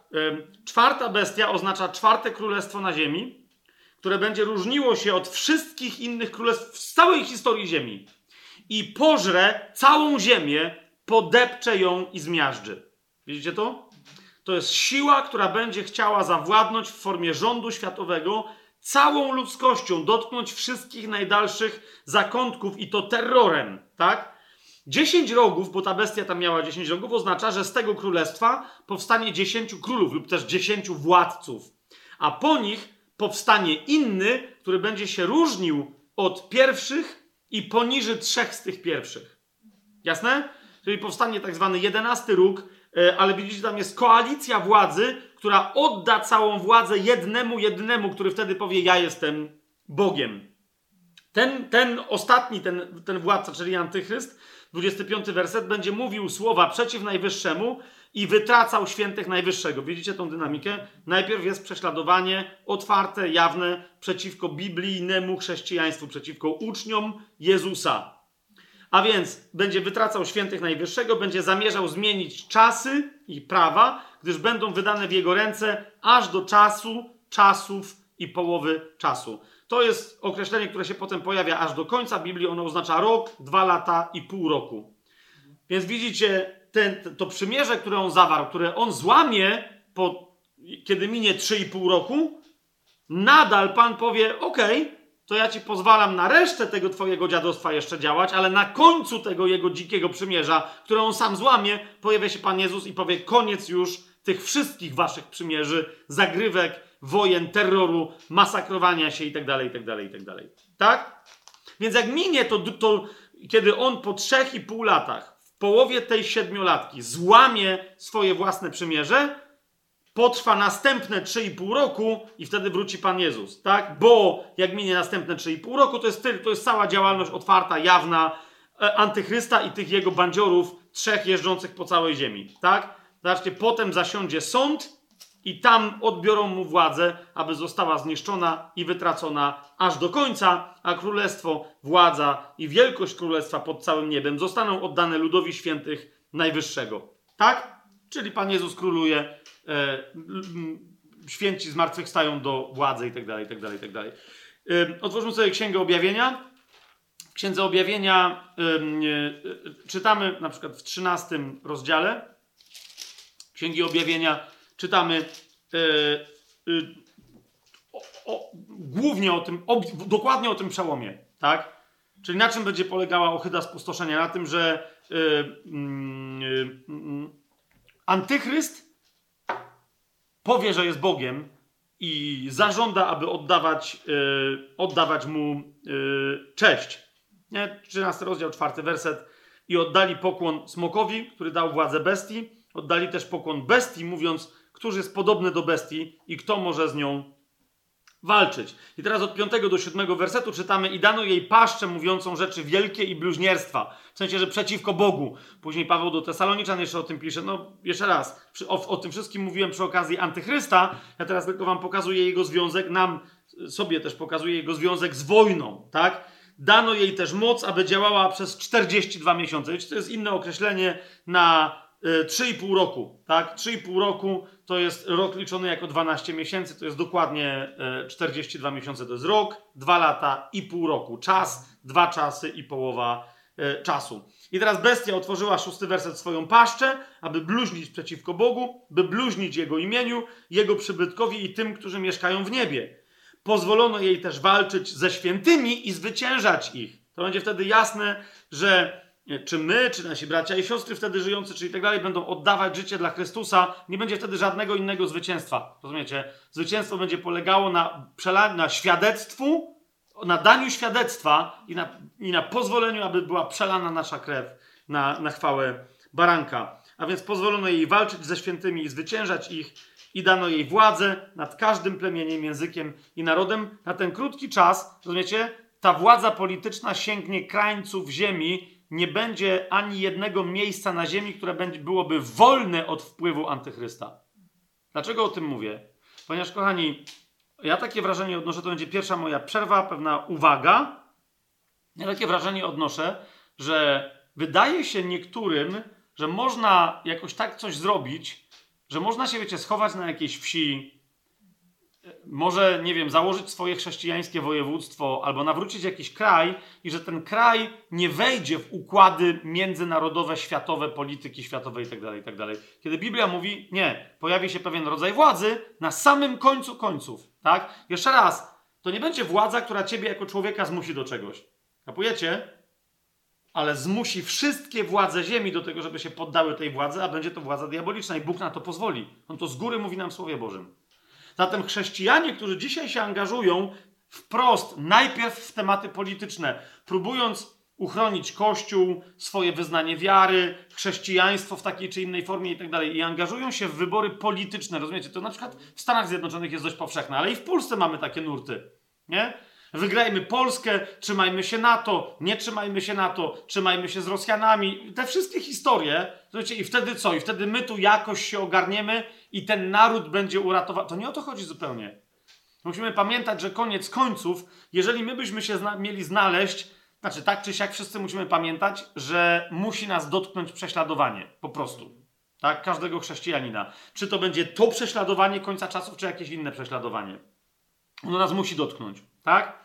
Ale e, m, w- więc tak czy siak musimy o czym pamiętać, że kiedy przychodzi prześladowanie, rozumiecie, prześladowanie zawsze jest prześladowaniem jednej osoby. Dopóki prześladowanie, wiecie, dotyka całej grupy i ta grupa potem, wiecie, wychodzi na ulicę albo się zbiera w kościele i mówi, o, prześladują nas, to jeszcze nie jest żadne prześladowanie. Prześladowanie dokładnie na tym polega, że oddzielają ciebie, oddzielają twoją żonę od ciebie, twojego męża, twojego pastora, twoje, rozumiecie, wszystkich ludzi, z którymi się spotykasz w kościele domowym. Nieważne jaka to jest forma kościoła. Jesteś wtedy sam na przesłuchaniu, w celi więziennej, gdzieś tam, rozumiesz? ktoś ciebie się pyta, tobie mówi, wyrzeknij się Jezusa, tak? Bo zrobimy krzywdę twojemu dziecku. Zrób to albo tamto. Sprzedaj swojego brata albo siostrę. Denuncjuj. Bądź... Wiesz o co mi chodzi? I tu się, to jest, i wtedy to nie ma czegoś, że ty się teraz odniesiesz, że się zapytasz innych i tak dalej. Na tym polega prześladowanie, że ludzie będą indywidualnie pytani, gdzie jest twoje znamie bestii? Pokaż rękę i pokaż czoło, co jest grane. I wtedy nie będzie tak, że, rozumiesz, tobie zabronią kupić i sprzedawać. Nie będziesz mieć możliwości podejmowania operacji, które, które by ci zapewniły codzienny byt. Za, za co będziesz jeść ty? Co będzie jeść i pić twoje dziecko? W co się ubierze? Wtedy nie będziesz mogła, mógł sprzedać ani kupić. Nic. Operować finansowo. A wszystko będzie, cały ten przepływ będzie kontrolowany. Końcówka 13 rozdziału wyraźnie o tym mówi. Rozumiecie o co chodzi? To jest moja pierwsza uwaga, że zanim my zaczniemy rozważać wojnę i teraz jak nas dotknie wojna na Ukrainie, Rosja przyjdzie czy nie przyjdzie, czy nas obroni NATO, czy może nas wręcz zaatakują Niemcy, czy jeszcze nie wiadomo co, zanim to przyjdzie, to tak czy siak najpierw przyjdzie prześladowanie. A nawet jeżeli my mielibyśmy być dotknięci wojną, to wojna zawsze nas dotyka jak? Kiedy dotyka naszej wiary w sposób indywidualny. Pytanie więc brzmi, czy jesteś gotowy, bracie, czy jesteś gotowa, siostro? Do odpowiedzi wiary, kiedy cię oderwą od stada. Do odpowiedzi wiary, kiedy cię oderwą e, od owczarni. Od, nie, nie, bo teraz nie chcę tego nazwać, że stado i że wszyscy są, wiecie, bezmyślni. Nie o to mi chodzi. Tylko kiedy, kiedy zostanie uderzony, jak Słowo Boże mówi, uderzę pasterza, a rozproszą się owce. Kiedy ktoś, na kim ty spośród twojego grona zostanie, to może być niekoniecznie jedna osoba, to może być grupa, a teraz ktoś cię wyrwie z tej grupy. Nagle cię zaskoczy, będziesz w pracy i tam nagle zamkną drzwi i powiedzą zaraz, no nie? Kto tu jest kim? Kto z was wierzy w Jezusa, nie? Jeżeli nie, w tym momencie przyjmujecie znamie bestii, oddajcie jej cześć, wy oddajcie chwałę bestii. I nagle wtedy jest pytanie, co, co ty wtedy zrobisz? Nie, nie, możesz, nie, masz, nie masz telefonu ratunkowego do, do żony, a powiesz, nie możesz do niej zadzwonić, powiedzieć, kochanie, nie, już dzisiaj nie wracam, dzisiaj mnie zetną, albo coś w tym stylu. Nie możesz. Wiecie o co mi idzie? To jeszcze raz, zanim my położymy głowę i oddamy życie, to będzie najpierw kwestia oddania. Rozumiecie, to będzie uderzenie w portfele, to będzie uderzenie w posiadanie. Tak jak od początku chrześcijanie byli atakowani, było i było im odbierane dobra materialne, tak? Domy, możliwości zamieszkania, możliwości pracy. Do dzisiaj to zresztą tak jest, wszędzie tam, gdzie chrześcijaństwo jest prześladowane, nie można pracować. Jak ludzie pracują, są wyzyskiwani, są niewolnikami chrześcijanie i tak dalej, i tak dalej, i tak dalej. Jasne? Ale w pewnym momencie yy, stanie się, co, kiedy bestia zażąda władzy, rozumiecie? Za, stanie się coś takiego, na, czyli kiedy złamie przymierze. I teraz za, zaraz sobie o tym nieco więcej powiemy, bo to znowu jest trochę fałszywych wyobrażeń. Tak? Czyli kiedy bestia złamie przymierze, to zdenerwuje wielu różnych władców. Nawet tych, którym bestia odda, od których bestia początkowo otrzymała władzę. Pamiętacie tych dziesięciu. Tak? Bo Słowo Boże między innymi mówi, że bestia, antychryst, zaatakuje trzech z nich i ich zniszczy. To teraz rozumiecie, co się stanie z pozostałymi siedmioma? Będą na to patrzeć? Czy może się wtedy sprzeciwią bestii? Czy co się stanie?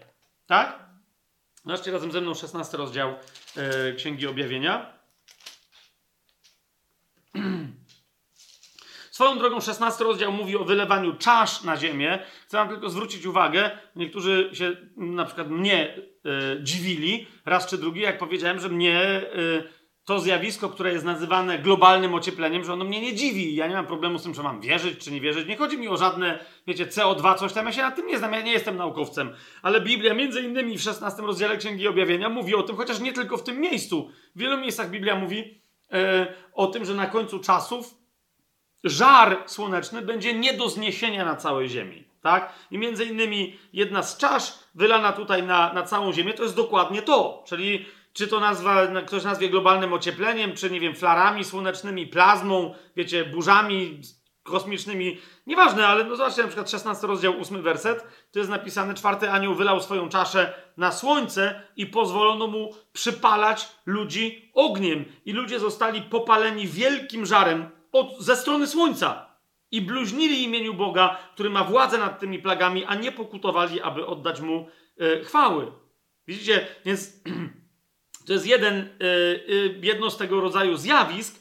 Z nim się wiąże inne zjawisko, bo chcę na to zwrócić uwagę. Czyli ludzie, wiecie, mają takie wyobrażenie, że nastanie antychryst i jakby mylą pewne fakty. On wprowadzi pokój i bezpieczeństwo na całą ziemię, a wtedy dopiero Pan Jezus przyjdzie i jakby wojna się zacznie dopiero z Panem Jezusem.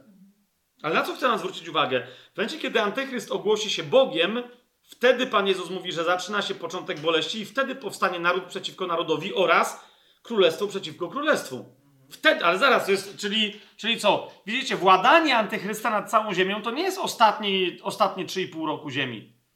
Tak? Bo między innymi on, władający w Jerozolimie, będzie mieć, zaraz wam pokażę tego więcej, ale między innymi 16 rozdział mówi, że będzie mieć problem z władcami ze wschodu. Jest pewna frakcja, która jest wprost nazwana królami czy władcami ze wschodu.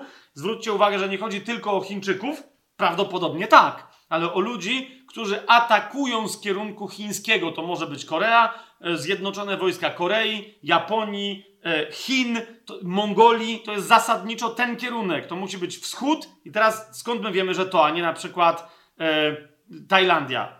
Ponieważ chodzi o możliwość przejścia przez Eufrat i Tygrys konwencjonalną bronią, tak? Otóż kiedy y, y, dojdzie do tego, że w ramach jednej z czasz wylanych na ziemię, tak, wzmoże się żar z nieba słoneczny, zobaczcie, co się, co się dzieje.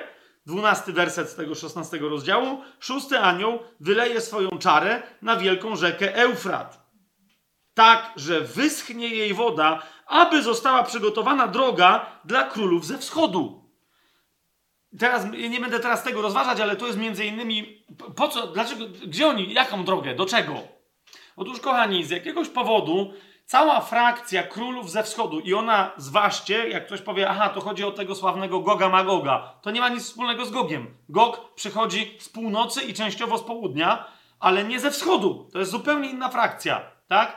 Z, do Jerozolimy Antychryst przychodzi z północnego zachodu, tak? To może być Europa dzisiejsza, to może być, e, nie wiem, Turcja, tak? Ale to nie, to nie jest Rosja, to nie jest na pewno wschód. To jest inna frakcja. Po co oni mieliby się zbliżać do Jerozolimy? Zwłaszcza, że wiele innych miejsc mówi o przyjściu ze wschodu armii, która pomoże armiom z północy w ataku na Jerozolimę i w ataku na Izrael. No ale zaraz, ale tutaj mamy władającego w Jerozolimie antychrysta. Zgadza się? Więc oni przyjadą, żeby jego atakować? Całkiem możliwe. Zwłaszcza, że wcześniej z jakiegoś powodu widać, że oni może by chcieli zaatakować, a więc mu się postawić. Wiecie, być może, że władcy ze wschodu to będzie dwóch czy trzech władców, którzy należeli do dziesięciu władców, którzy przekazali jemu władzę, ale się nie spodziewali, że chłop się ogłosi Bogiem, któremu teraz trzeba oddawać cześć. Tak? Niemniej, być może chcieliby zaatakować bronią konwencjonalną typu czołgi, przetransportowanie, wiecie, jakichś haubic, armat, no wiecie, całej tej logistyki wojskowej. Nie mogli, ale wtedy pomoże im co? Wyschnięcie Eufratu. Przejazd przez tę rzekę, której już nie będzie, ułatwi y, im atak na Jerozolimę. Mamy to? Teraz, kochani, ale jednocześnie, czyli ale kogo mają atakować? Antychrysta? Zobaczcie, co się dzieje dalej. Bo wtedy też prorok mówi: I zobaczyłem trzy duchy nieczyste, jakby żaby, które wychodziły z paszczy smoka i z paszczy bestii i z ust fałszywego proroka. Krótko mówiąc, z tej fałszywej trójcy antychrysta. Tak? Co to jest fałszywa trójca antychrysta? To niech sobie ktoś sięgnie do końcówki, jeszcze raz powtórzę, 12 sezonu. Tak? A więc zobaczyłem trzy duchy nieczyste, jakby żaby, które wyszły z ust fałszywej trójcy. Wygląda na to, jakby każdy z nich wypuścił swoją ropuchę. Tak? Ale po co? Zobaczcie. A są to duchy demonów, które czynią cuda i wychodzą do królów ziemi i na cały świat, aby ich zgromadzić na wojnę w wielki dzień Boga Wszechmogącego.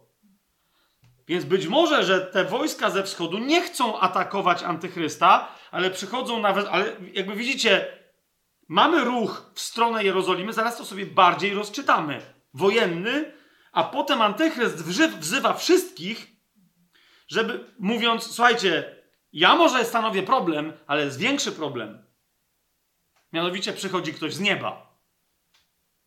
Wiecie, e, kiedyś bodaj Ronald Reagan powiedział, że wszystkie wojny na świecie by ustały, wszystkie starcia i spory by ustały, gdyby się pojawiło zagrożenie z nieba. On wtedy powiedział, gdyby obca cywilizacja, obcy, gdyby zaatakowali Ziemię. Ta myśl Reagana potem była, że tak powiem, powielona w Hollywood w ramach filmu Dzień Niepodległości, na przykład, gdzie prezydent Stanów Zjednoczonych wygłasza przemówienie, coś ala Ronald Reagan. Reagan to naprawdę przemawiał prawdziwe przemówienie, można sobie łatwo na YouTubie znaleźć w ONZ-cie bodaj, z tego co pamiętam, czy w Senacie, chyba w ONZ-cie. A potem w tym filmie, zupełnie science fiction, macie tą samą ideę. prezydent amerykański wzywa cały świat i wszyscy mówią, tak, razem walczymy, ziemia kontra obcy, nie? To jest trochę coś takiego. Bóg jego armia, ci, którzy przyjdą z nieba, to są obcy. My tu siebie musimy swój grajdu grzechu, ciemności, nędzy, nieważne już kto jest Bogiem, kto nie jest. Przestańmy się tłuc, bo, bo przychodzi wróg z nieba. Rozumiecie o co? Zaraz jeszcze szcz szczegółowiej mm, w to yy, wejrzymy. I zwróćcie uwagę, pamiętacie jak wam powiedziałem, że już się zapamiętali, że Dzień Pański przyjdzie jak złodziej? Dzień Pański? A po, a potem gdzieś w, tych w jego kontekście zaczną się bole boleści. Pierwszy list do Tesaloniczan. Zobaczcie, tu ni stąd, ni zowąd sam Pan Jezus mówi, oto przychodzę jak złodziej. Błogosławiony, kto czuwa i strzeże swoich szat, aby nie chodził nago i aby nie widziano jego hańby. To jest mowa do chrześcijan. Nieważne co, w jakim momencie, kiedy ty się nawrócisz, bo to może być w tych czasach. To jest, to jest również nieważne, kiedy będzie pochwycenie, o tym jeszcze za chwilę powiem. Tak? I teraz Pan Jezus to mówi, a wtedy wraca y, apostoł Jan, prorok Jan do antychrysta, do tej fałszywej trójcy i mówi, że kiedy on wypuścił te ropuchy, nawet kiedy królowie ze wschodu, moja teza jest taka, że oni przyszli zaatakować antychrysta, czy się rozumiemy w tej chronologii, tak? To on wypuszcza te ropuchy i te ropuchy przekonują także antychrysta, ale również pewną koalicję z północy. Do czego? Nie bijmy się teraz, potem sobie wyrównamy rachunki. Teraz zjednoczmy się przeciwko Bogu. I teraz widzicie, antychryst przekonuje, podejmijmy tę walkę, ale nie ma już Jerozolimy. Zwracam wam na to uwagę. Tak? I Księga Objawienia wyraźnie to zaznacza, że gromadzi ludzi w miejscu, zgromadził ich na miejsce zwane po hebrajsku Armagedon. To jest dokładnie to, jak czasem się mówi, wiecie, potocznie, że gdzieś był Armagedon i tak dalej. To jest ostatnia bitwa, tak? Armii wszechludzkości, wszystkich możliwych armii, jak, jakie narody i królestwa i państwa mogą wystawić przeciwko komu? Rozumiecie to szaleństwo przeciwko Bogu. Dokładnie przeciwko barankowi, przeciwko Jezusowi wracającemu na ziemię. Ale zwracam wam uwagę, że ten, który siądzie na tronie w świątyni w Jerozolimie, nie będzie mógł zjednoczyć tych wszystkich ludzi dalej siedząc w Jerozolimie. Czy to już widzicie tutaj? Dlaczego? Co się stanie? Bo niektórzy mówią, że przecież Pan Jezus zrzuci go z tronu. Nie, nie ma takich proroctw, że On go będzie zrzucał z tronu. Samym objawieniem swojego przyjścia spowoduje, że, że, że antychryst się po prostu rozpłynie w powietrzu, tak? A potem trafi do jeziora ognia, ale nie ma mowy o tym, że On go będzie detronizował, tak? Kto inny go zdetronizuje, tak? No, ci, którzy się przyczynią do jego intronizacji, oryginalnie rzecz ujmując. A więc rozumiecie, co, co się dzieje? Jeszcze sobie tu dokładnie powiem, co jest grane, ale mamy czas, pokój i bezpieczeństwo. Pierwsze 3,5 roku, tak? Panowania antychrysta. To nie jest pokój i bezpieczeństwo dla chrześcijan, jeżeli jeszcze takowi są na ziemi, ale świat doświadcza, jest super. Potem się zaczyna robić problem, bo antychryst robi przełom, e, przewrót, wywrót wręcz do góry nogami wszystkiego, mówi ja jestem Bogiem i wtedy wszyscy zaczynają się naparzać na całej ziemi. Jest koniec pokoju, koniec wszystkiego. Tak? Jest zamęt. Ponieważ ludzie zaczynają korzystać, ale przede wszystkim ludzie mówią zaraz, co tu jest grane. Ci władcy, którzy jemu oddali władzę, mówią, chcemy ją z powrotem i mamy przynajmniej trzy frakcje, czyli jedna, która jest nadal wierna antychrystowi, jedna, która przychodzi ze wschodu i jedna, która się znajduje, czy przynajmniej której centrum dowodzenia znajduje się na północy, o tej jeszcze za chwilę. Niemniej, w, w, momencie, kiedy, rozumiecie, być może, że te siły, o, co między innymi Księga Daniela na przykład w 11 rozdziale opisuje, kiedy będą się zmagać, te ostatnie 3,5 roku na ziemi, ok? Coś się stanie, co wyrzuci, i to nie jest powrót Pana Jezusa, co wyrzuci Antychrysta z Jerozolimy. Co spowoduje, rozumiecie, zjednoczenie się wszystkich armii, które się zjechały, żeby się rozprawić być może z Antychrystem. Nagle oni się tam dogadają, powiedzą, najpierw się rozprawmy z Żydami, bo jak się z nimi rozprawimy, to wreszcie będzie spokój święty i wtedy my będziemy mogli sobie ustalić, kto jest kim, tak? A wtedy się okaże, że wraca Jezus z nieba, więc to będzie oznaczało, jak się rozprawimy z Żydami. No a to jest ostatni Żyd, bo pamiętacie, że Jezus jest królem Żydów. Do ostatniego trzeba, trzeba dobić. Pełny Holokaust. Więc jak skończymy Żydów włącznie z tym jednym, jedynym, który zmartwychwstał i teraz wraca z nieba, to wtedy wreszcie będziemy mieli naprawdę święty spokój, i wszystko se poustalamy. Najpierw wygrajmy tę bitwę. To jest Armagedon. Ok? Otwórzmy sobie 17 rozdział Księgi Objawienia. Tam od 11 wersetu dokładnie o tym jest mowa. Zobaczcie, o tej dynamice, którą teraz przedstawiłem. Bestia, która była, a nie ma jej, ona sama jest ósmym, w sensie rogiem, a jest spośród siedmiu i idzie na zatracenie. Po zależności od tego, ile tam jest tych rogów, wiecie, 7, 10 to jest albo 11, albo 8, która to jest wizja i która to jest wersja, tak? 10 rogów, które widział. Chodzi o to, że z 10 rogów zostaje 7, ponieważ ten 11 załatwia e, trzech, dlatego ich zostaje 7. I on, będąc 11, staje się 8. To jest jasne, co teraz przypominam tylko. Ok. Więc 10 rogów, które widziałeś, to 10 królów, którzy jeszcze nie objęli królestwa, ale wezmą władzę jak królowie na jedną godzinę wraz z bestią. Widzicie o co mi chodzi? To jest prawdopodobnie to przymierze, które zawiązuje Antychryst. I ich porozumienie to muszą być władcy z całego świata, różnych, być może wiecie, Unii Europejskiej, Zjednoczonej Unii Panazjatyckiej, Federacji Rosyjskiej. Rozumiecie o co mi chodzi? Duże, duże skupiska ponadnarodowe mocarstw, którymi będzie rządzić 10 różnych władców. Jak się oni dogadają, to będzie rząd światowy. To jest to. Nie? Więc oni wraz z bestią zaczną rządzić, ale zobaczcie, mają oni jeden zamysł, a swoją moc i władzę oddadzą bestii. Czyli oni otrzymają władzę, a następnie oni powiedzą, ale ty jesteś pierwszy spośród nas wszystkich, cała nasza władza jest twoja. Nie? Ale w pewnym momencie ten, ten zrobi woltę, trzech z nich wykończy i wtedy siedmiu powie, zaraz, zaraz, zaraz. Co się tutaj odwatykaniło. Okej. Yy, I zobaczcie, i zobaczcie, mimo że on pokona trzech, tamtych zostanie siedmiu, ten będzie jeden, koniec końców, spójrzcie, oni też oddadzą władzę temu jednemu, w jakim kontekście? Walki z barankiem. Bo oni też, niezależnie od tego, jakie między sobą będą mieli, kogo on będzie chciał zniszczyć, jak oni będą się chcieli bronić, oni będą walczyć z barankiem, ale baranek ich zwycięży, bo jest panem panów i królem królów. Amen? Otwórzmy dalej, bo tu mamy troszeczkę więcej rzeczy. Po drodze między innymi upadnie wszechświatowa religia i cała ta zwierzchność, która stoi za, za wszelkimi religiami świata, to jest upadek Babilonu. I w XIX, i w XIX yy, rozdziale czytamy, że, że na to wszystko przychodzi Pan Jezus. Jedenasty werset, potem zobaczyłem niebo otwarte, a oto koń biały, no i tu jest właściwy jeździec na białym koniu, którym jest Jezus, a ten, który na nim siedział, nazywa się wiernym i prawdziwym i w sprawiedliwości sądzi i walczy. W czternastym wersecie czytamy, a wojska w niebie podążały za nim na białych koniach, ubrany w bisior biały i czysty. Więc jedzie on, jedzie cała armia z nieba na ziemię. Więc ci na ziemi mówią, no i to dobrze, że my się zjednoczyli, bo czyli widać, co się tu odwala. Od Janie Pawla. 17 werset i dalej. I zobaczyłem jednego anioła stojącego w słońcu i zawołał donośnym głosem do wszystkich ptaków latających środkiem nieba: Chodźcie, zgromadźcie się na ucztę wielkiego Boga.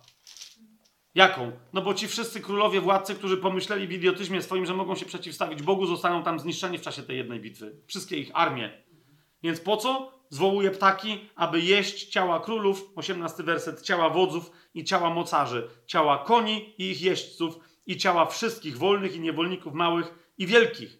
I zobaczyłem bestie i królów ziemi i ich wojska zgromadzone, aby stoczyć bitwę z tym, który siedzi na koniu i z jego wojskiem. Widzicie to?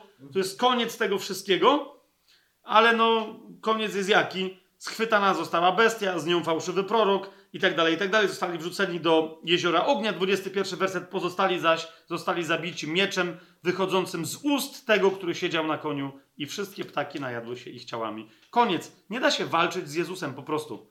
On przyjdzie nie po to, żeby ich niszczyć. Przyjdzie, żeby zrobić to, co ma zrobić. Jak oni mu staną na drodze, no to będzie jakby się pomidory poustawiały, rozumiecie, na drodze walca drogowego. To będzie tyle.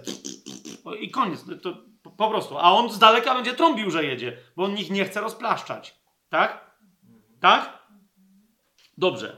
I teraz w tym wszystkim, kochani, powiedziałem już, że jest inna koalicja, która, która ma miejsce na północy. Jeszcze raz pamiętajcie, ten, ta zwierzchność, wojna, ona nie ma swojego ulubieńca. Chcę, żebyście to zru... Nawet antychryst nie jest ulubieńcem wojny. Nie? To jest coś, co towarzyszy, ale rozumiecie, diabeł, on nie chce, żeby jakiś człowiek wygrał. On nie chce, żeby jakaś frakcja na ziemi Diabeł najchętniej wyzabijałby całą ludzkość, najlepiej by napuścił ludzkość na, rozumiecie, żeby wszyscy się nawzajem wyzabijali, na końcu został jakiś jeden największy szaleniec i ten, żeby se palnął w łeb. I żeby wszyscy poszli do piekła. To jest plan diabła, on nienawidzi ludzi. On nie będzie nikogo kochał, on nie wybierze małej resztki i powie, dobra, wy wyzabijajcie wszystkich, nie zróbmy redukcję populacji światowej, ale wy se żyjcie. 50 milionów, 5 milionów, 5 osób, was kocham. No ma czegoś takiego. Diabeł chce wyzabijać wszystkich ludzi. Pan chce wszystkich ludzi uratować, ale jak widzicie, wyraźnie mamy przewidziane, że szaleństwo niektórych e, sięgnie absolutnie zenitu. I tu tylko chcę przypomnieć, że czym innym jest antychryst i jego oryginalna koalicja, ale od momentu, kiedy on zasiądzie na tronie, ogłosi się Bogiem w Jerozolimie, wtedy naprawdę podniesie się opozycja przeciwko niemu i jedną z najmocniejszych opozycji przeciwko niemu, jako komuś, kto włada w Izraelu i w Jerozolimie, będzie przesławna koalicja Goga Magoga. Według mnie nic w Biblii nie sugeruje nawet, żeby koalicja Goga Magoga, żeby Gog był antychrystem. Ok? Ponieważ antychryst skąd przychodzi i tak dalej, jeszcze raz powtórzę, sezon 12, 5 odcinków od 8 do 12, a Gog przychodzi z najdalszych krańców północy w stosunku z państwa, które jest na najdalszych krańcach północy, czyli w stosunku do Jerozolimy dzisiaj, jeżeli to państwo przetrwa, to będzie Rosja. To będzie Rosja. Ci, którzy wieszczą upadek Rosji dzisiaj, bo ona e, padła kosa na kamień i Rosja się pod... To może być Ukraina, ja nie wiem. Wiesz o co mi chodzi? Może nagle Ukraina pokona Rosję, zniosą Putina. Chodzi mi o to, że tamto całe terytorium to jest Magog. Całe to terytorium, aż po Kamczatkę, to jest Magog. Włącznie z tymi wszystkimi krainami, Gruzja, e, może, no ale nawet Gruzja, e, Kazachstan, Tadżykistan, Turkmenistan i tak dalej. To wszystko to jest Magog. Rozumiecie? Więc czy tam będzie Rosja, czy tam będzie Federacja Rosyjska, czy yy, yy, Związek Socjalistycznych Republik Radzieckich, czy kraj nowoczesnych islamsko-komunistycznych rad, czy jeszcze cokolwiek innego. Chodzi mi o to, czy tam powstanie nowa zjednoczona Ukraina. Idzie mi o to, że tam, tamtymi terytoriami włada zwierzchność gogo-magogiczna. Ok? To jest magog. I, I nieważne, czy to będzie Rosja. Ja teraz mówię, że to jest Rosja, bo tam teraz jest Rosja. Tak? Jej wpływy rozciągną się gdzie? Przeczytajmy to sobie na, y, najlepiej. Ale chodzi mi o to, że my to musimy rozumieć. Rozumiecie, że, że nawet jeżeli w pewnym momencie wpływ antychryst będzie mieć na cały świat, to pamiętajcie, jest coś takiego jak wschód, ten wschód, który rozumiany z punktu widzenia biblijnej Jerozolimy i Izraela. Jest, to zasadniczo są Chiny, Indie, tak, Pakistan, Korea, to, to jest to. No nie, ci wszyscy, którzy mieliby iść, Irak może, ci wszyscy, którzy ze wschodu mieliby przechodzić przez, no to nie Irak, przez Eufrat i Tygrys. Jasne? Ci, którzy są dalej, dla których Eufrat i Tygrys jest problematyczny do przejścia. Tak? Jest przeszkodą geograficzną. Więc to, to nie jest na przykład Iran, tak? Ale widzicie, Iran nie należy biblijnie do koalicji tych władców ze wschodu, ponieważ on należy do kogo? Do koalicji Magoga, czyli tego, który jest na północy. Tak? Spójrzmy sobie szybciutko. Księga Ezechiela, 39 e, rozdział. Najpierw Księgi Ezechiela, 39 rozdział. Nie cały, chociaż jak ktoś chce sobie to dokładnie przestudiować, to proponuję przeczytanie przynajmniej całego 38 i 39 rozdziału Księgi Ezechiela. Ale w Księdze Ezechiela, mm, e, w tym 39 rozdziale, od 17 wersetu przeczytajmy. Przede wszystkim zobaczcie, jest dokładnie to samo zjawisko. Ostateczna bitwa. Tak? Na, w wyniku której będzie tyle trupów, że, że Pan mówi, żeby wezwać ptactwo całej ziemi. Zobaczcie. 17 werset 39 rozdziału. A ty, synu człowieczy, tak mówi Pan Jahwe, powiedz ptactwu, wszelkim istotom skrzydlatym i zwierzętom polnym, zbierzcie się i przyjdźcie, zgromadźcie się zewsząd na moją ofiarę, którą wam przygotowałem. Wielką ofiarę na górach Izraela, abyście jedli mięso i pili krew. Będziecie jeść mięso mocarzy i pić krew książąt ziemi, baranów, jagniąt, kozłów i cielców, wszystkie tuczniki z Baszanu, Najecie się tłuszczu dosyta i upoicie się krwią z mojej ofiary, którą wam przygotowałem. I nasycicie się przy moim stole końmi, jeźdźcami, mocarzami i wszystkimi wojownikami, mówi Pan Jahwe. Tak objawię moją chwałę, zwracam wam na to uwagę, tak objawię moją chwałę wśród narodów. Wszystkie narody zobaczą mój sąd, który wykonałem i moją rękę, którą na nie wyciągnąłem. Co jest istotne, że to jest bitwa, w której uczestniczą wszystkie narody. Taka bitwa w Biblii jest tylko jedna. Nie? Ale teraz, jak się przyjrzymy bliżej, co to jest za bitwa? Zobaczycie 38 rozdział i 39. To jest bitwa, którą Ezechiel, że tak powiem, za którą odpowiedzialność spada w ustach Ezechiela na koalicję Goga Magoga. Nie? Zobaczcie Księgę Ezechiela, 38 y, rozdział, wersety od pierwszego do szóstego. Bo to się tu zaczyna. Czyli czemu dojdzie do tej bitwy? Otóż wyruszy koalicja zorganizowana przez kogoś z dalekiej północy na co? Na, uważajcie na to, żyjący w pokoju, pokojowy Izrael, żyjący w pokoju i dobrobycie Izrael, to jest według mnie Izrael pod panowaniem początkowym antychrysta. Nie? Zobaczcie, i, i, ale potem coś się stanie, że przyjdą na Izraela, yy, na Jerozolimę, ludy północy z koali, w, w, y, z, y, połączone w koalicji z kim? 38 rozdział od pierwszego wersetu y, do szóstego będziemy czytać. Doszło do mnie słowo Jachwę mówiące, Synu człowieczy, zwróć swoją twarz przeciwko Gogowi w ziemi Magog. Będzie jeden konkretny władca zwany Gogiem, który pochodzi z ziemi Magog. To jest już, już wyjaśniłem, to jest, naj, to jest terytorium na północy, zasadniczo terytorium dzisiejszej Rosji. E, włącznie z europejskim terytorium, żebyście mnie dobrze zrozumieli. E, To jest zasadniczo terytorium Związku Radzieckiego. O może w ten sposób. To będzie plus Mongolia, tak? I to będzie byłego Związku Radzieckiego, to jest e, terytorium. I teraz on mówi tak, więc zwróć swoją twarz przeciwko Gogowi w ziemi Magog, który jest też na, bo tu chodzi o to, że jego dodatkowy tytuł, jego dodatkowa władza rozciąga się nie tylko nad Magogiem, ale też jest naczelnym księciem w Meszek i Tubal. Nie będę teraz tego rozwijał, ale wszystko wskazuje na to, całe żydowskie rozumienie, cała żydowska egzegeza tego fragmentu wskazuje na Anatolię, czyli wskazuje na Turcję dzisiejszą. Tak? I mów tak, mówi Pan Bóg, oto jestem przeciw Tobie, Gogu, naczelny księciu w Meszek i Tubal. Więc mamy do czynienia z czym? Mamy do czynienia z koalicją już czegoś, co będzie y, się znajdowało w miejscu politycznemu jestestwu, to będzie polityczne jestestwo, znajdujące się w miejscu dzisiejszego byłego Związku Radzieckiego, które ma zwierzchność nad dzisiejszą Turcją. Jasność? Dalej. E, kto będzie im towarzyszył? Zobaczcie piąty i szósty werset.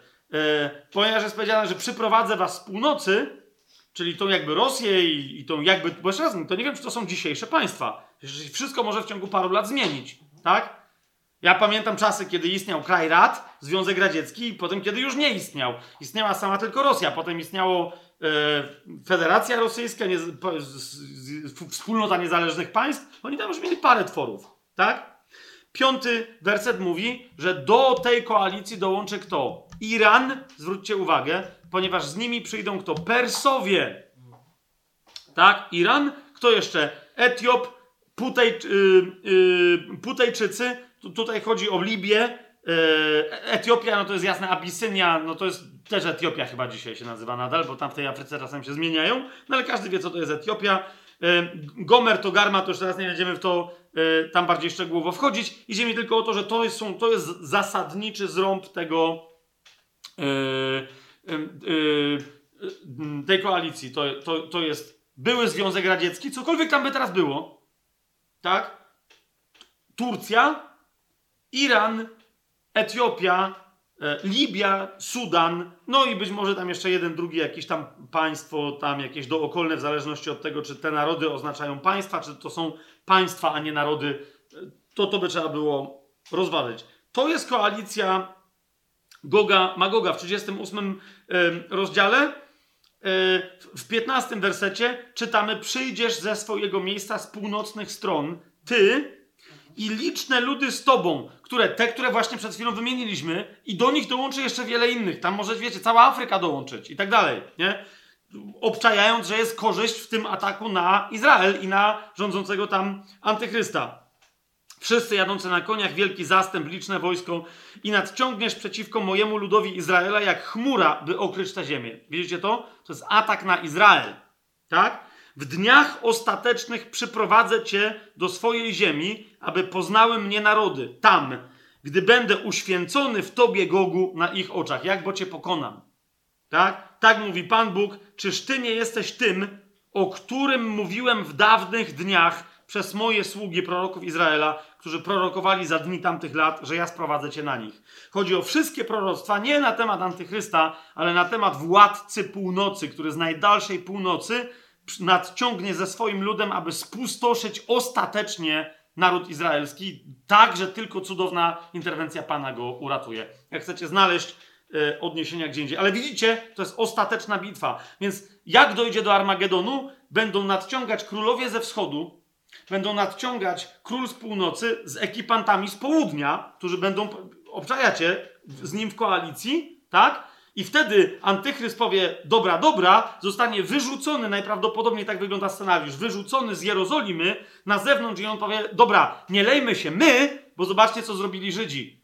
Oni, dzięki nim zostałem królem, ale jak się ogłosiłem Bogiem, tak się wszystko posypało i teraz oni nagle Zanim co oni nagle, czyli jak oni się pozbędą, bo to Żydzi, jak zgodzą się na antychrysta, tak oni go zdetronizują. ok? Ale o tym za chwilę, tylko chcę wam pokazać, bo niektórzy potem mówią, że jak, to co, przecież to jest walka, to nie tak będzie wyglądać. Zobaczcie, że sama księga Daniela mówi o tym wprost i mówi o tym wyraźnie w 11 rozdziale, y, że dokładnie tak się stanie na końcu y, funkcjonowania antychrysta. Otwórzcie sobie 11 y, rozdział księgi Daniela w którym jest opisana cała dokładnie, precyzyjnie droga antychrysta, działanie. Ja o tym więcej mówię, y, jak to czytać, ten jedenasty rozdział. Jeszcze raz powtórzę, w ostatnich pięciu odcinkach 12 sezonu Tajemnego Planu. Ale końcówka funkcjonowania antychrysta, zobaczcie jak wygląda od 40 y, wersetu czytając. A pod koniec czasu będzie z nim walczyć, z nim, czyli z kim? Z antychrystem tak, bo tu jest mowa o antychryście w tym 11 e, rozdziale Księgi Daniela. Będzie z nim walczyć król południa. Ale król południa uderzy na niego jak burza z rydwanami, jeźdźcami i licznymi okrętami, wtargnie do krajów, zaleje je i przejdzie. Interesujące, że to jest liczba mnoga. Jakich krajów, jak to będzie ym, Izrael? Ale widzicie, chodzi o to, że antychryst będzie mieć pod swoim butem. E, ja teraz znowu nie chcę tego rozwijać. Być może on da fałszywe wypełnienie proroctwa Izraela o, o ziemi obiecanej. Zobaczcie, jaka koalicja jest zawiązana w 83 psalmie przeciwko Izraelowi, a jej w czasach ostatnich w ogóle nie ma. Tych państw ościennych, które dzisiaj są największymi wrogami Izraela. Tak? Typu Egipt, Syria, yy, Liban, yy, Jordania, Hezbollahy, Palestyna, te wszystkie, ci wszyscy ekipanci. Nie? Prawdopodobnie te państwa, ten spisek opisany w Psalmie 83 zostanie pokonany, dlatego Izrael będzie żyć w pokoju. Co Ezechiel opisuje, że te wojska, jak na, na, na zaatakują Izrael, tam nie będzie w ogóle za bardzo obrony. Nie? I teraz pierwszy, który zaatakuje te państwa, być może, żeby je odzyskać, przynieść im wyzwolenie spod buta Izraela, tak? To będzie król południa. Teraz jest pytanie, czy to będzie raczej Etiopia, czy raczej królem z południa będzie może Iran. Wiecie o co mi chodzi? Bo, bo Iran jest, Persja w ogóle jest traktowana e, w Biblii jako kraj południa, południowy. Tak? Ale dobra, nie będziemy teraz tego yy, rozważać. Zwłaszcza, że atak, zwróćcie uwagę, z tego południa ewidentnie nie przychodzi z południowego zachodu, czyli nie przychodzi od strony Egiptu czy Afryki. Tak? Bo idzie w taki sposób, że powinien dotknąć Edom, Moab czy pierwszych synów Amona, czyli zasadniczo yy, tam dzisiaj to, to południe, gdzie jest Arabia Saudyjska, gdzie jest Jordania, tamtą stronę, nie? Ale zobaczcie, jest powiedziane, że wkroczy do pięknej ziemi i wiele krajów padnie, ujdą wszakże z jego rąk Edom, Moab i pierwsi z synów Amona, nie? Czyli to jest prawdopodobnie atak z Iranu na tereny Izraela i tam przyległe, tak? Wyciągnie swoją rękę po kraje. Ziemia Egiptu nie zdoła mu widzicie, więc, więc to jest atak z drugiej strony południa, tak? Opanuje skarby złota yy, i srebra oraz wszystkie kosztowności Egiptu, a Libijczycy, Etiopczycy pójdą za nim. Widzicie, tam jest, tam jest rozłam w tej, w tej koalicji magogowej, tak? Ale wieści ze wschodu i z północy przestraszą go. Yy, przepraszam, bo tu chodzi o, yy, o kontrofensywę, o kontrofensywę czyli ten atak z północy, tej części koalicji Magoga związanej z atakiem z północy, zostanie rozbity przez Antychrysta. Czyli ci, którzy pomagając atakowi, powiedzmy, że Rosji i Turcji, tak? Czyli Iran, e, oni zostaną przez Antychrysta odparci. Jest to jasne, co ja gadam, bo ja się rozpędzam w, w geografii w swojej głowie i chcę, żebyście wy rozumieli. Okej, tak? Antychryst to zatrzyma, przerzuci wszystkie swoje wojska na południe i dlatego te kraje zostaną uchronione. Prawdopodobnie łupnie, widzicie, Libię i Etiopię. Z Iranem nie wiadomo, czy se poradzi, ale tych łupnie, a wtedy co się stanie? Wyschnie Eufrat, zaniepokoją go, widzicie, wieści ze wschodu i z północy przestraszą go, ponieważ dopiero cała armia Magoga runie z północy i okaże się, że mogą przejechać królowie ze wschodu. I to spowoduje panikę u antychrysta, który się cofnie i nie dokończy kontrofensywy na południe. Widzicie to? Dlatego wyruszy z wielkim gniewem, aby wielu wygubić i wytępić i rozbije namioty swojego pałacu między morzami na pięknej górze świętej, ale jego koniec przyjdzie na niego i nikt mu nie pomoże. Piękna góra święta wiecie gdzie jest, Yy, ale z tej góry zostanie wyrzucony. Tu już później nie mamy dokładnie u Daniela opisu, jak on tych co go zaniepokoili ze wschodu i z północy, jednak przekona, żeby się zjednoczyli w walce przeciwko barankowi. Niemniej mamy mowę o tym w innych miejscach. O tym, że kiedy Pan Jezus będzie wracał na ziemię, Antychrystowi uda się, pomimo tych wszystkich, widzicie, perturbacji, że mu się uda jednak ziemię zjednoczyć przy pomocy tych trzech demonicznych ropuch, tak? Cała Biblia o tym grzmi, huczy i tak dalej. Mówi wyraźnie, że te narody, które tam się zejdą, być może, żeby się lać między sobą. Pamiętacie, powstanie naród przeciwko narodowi, królestwo przeciwko królestwu. I oni się tam zejdą, żeby się lać. No a skoro jeden gość powiedział, że jest królem wszystkich, to najpierw trzeba będzie wlać jemu. Więc wygląda na to, że oni przyjdą się lać z nim, a on wtedy powie, słuchajcie, ale jest poważniejsze zagrożenie. Tak? O tym mówi na przykład Księga Izajasza. Tak tylko wam pokazuję szybciutko, żeby wam przypomnieć, tak? Że taka jest wola Boża. Dobra, zjednoczcie się, zorientujcie się, że w grzechu swoim ja jestem wam wrogiem, a ja wam wtedy będę wrogiem, mówi Pan. 34 rozdział Księgi Izajasza. Na ten przykład mówi od pierwszego wersetu: Zbliżcie się narody, aby słuchać, i wy ludy słuchajcie uważnie. Niech słucha ziemia i to, co ją napełnia, cały świat i wszystko, co się na nim rodzi. Bo oburzenie Jahwe spadło na wszystkie narody. Jego zapalczywość, zwróćcie uwagę, na wszystkie ich wojska. Gdzie? W jednym fizycznie miejscu. Wytracił je doszczętnie, wydał je na rzeź, ich zabici będą porzuceni, a z ich trupów będzie unosił się smród i ich krew popłynie z gór. I tak dalej, i tak dalej. Izajasz ten moment wyraźnie opisuje tej bitwy Armagedonu, bo dopiero Księga Objawienia mówi wyraźnie, gdzie będzie miejsce tej mm, bitwy. Nie? Przeskoczmy sobie do Księgi Joela. Yy, który też o tym mówi. Księga Joela, trzeci rozdział, powiedzmy od 11 wersetu. Zgromadźcie się i przyjdźcie wszystkie okoliczne narody, zbierzcie się. Sprowadź tam Jachwę swoich wojowników. Niech poganie się przebudzą i nadciągną na dolinę Jehoszafata. No, znowu nie będziemy tego tematu rozwijać, ale geografię biblijną znając wiecie o co chodzi. Tam bowiem zasiądę, aby sądzić wszystkie okoliczne narody. Kiedy to będzie? Zapuśćcie sierp, bo dojrzało żniwo. Słyszycie, kiedy to będzie? Pójdźcie i stąpcie, bo tłocznia jest pełna. Kadzie przelewają się, bo ich zło jest wielkie. Tłumy, tłumy w dolinie wyroku. Bliski bowiem jest dzień Jachwę w dolinie wyroku. To będzie ten jeden dzień, kiedy Pan Jezus skończy tamtą ekipę i zacznie się sąd nad całą ziemią i wprowadzenie tysiącletniego yy, królestwa. Jak się to stanie, według mnie wyjaśnia najprecyzyjniej księga Zachariasza. Jak ją sobie otworzymy, tak? Jak to się stanie, że, yy, że antychryst nie będzie w Jerozolimie, gdzie będą zmierzać, wiecie, te ataki, władców ze wschodu powstrzyma Eufrat, ale wyschnie, cudownie dla nich, tak? Z północy, czemu się północ nie będzie mogła zebrać, to jest inna sprawa. Rosyjska logistyka do dzisiaj widać, że tam oni trochę tak powoli, ale jak walec cisną, lepiej niż niemiecki walec, tak? Teraz chodzi o to, że zwróćcie uwagę, Księga Daniela mówi, że w pewnym momencie antychryst wyruszy ze swoimi wojskami gdzie? Na południe, więc wyjdzie z Jerozolimy, tak? Niekoniecznie oni go tam wyrzucą, ale co się stanie w Jerozolimie w tych ostatnich dniach, tuż przed przyjściem Jachwę? Pamiętacie, będzie na przykład dwóch świadków, którzy będą głosić w Jerozolimie. Pamiętacie to, nie? Tam będą, ludzie wciąż będą się mogli nawracać, ale dojdzie do takiego wylania yy, Ducha Świętego, zobaczcie 12 rozdział, yy, od pierwszego do, do, do trzeciego wersetu. Co się stanie? Od drugiego nawet wersetu. Oto uczynię Jerozolimę kielichem odurzenia dla wszystkich okolicznych narodów, gdy nastanie oblężenie przeciwko Judzie i przeciwko Jerozolimie.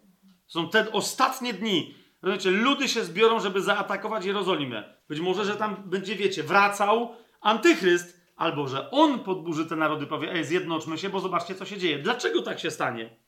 W tym dniu uczyni Jerozolimę ciężkim kamieniem dla wszystkich narodów, nie tylko okolicznych.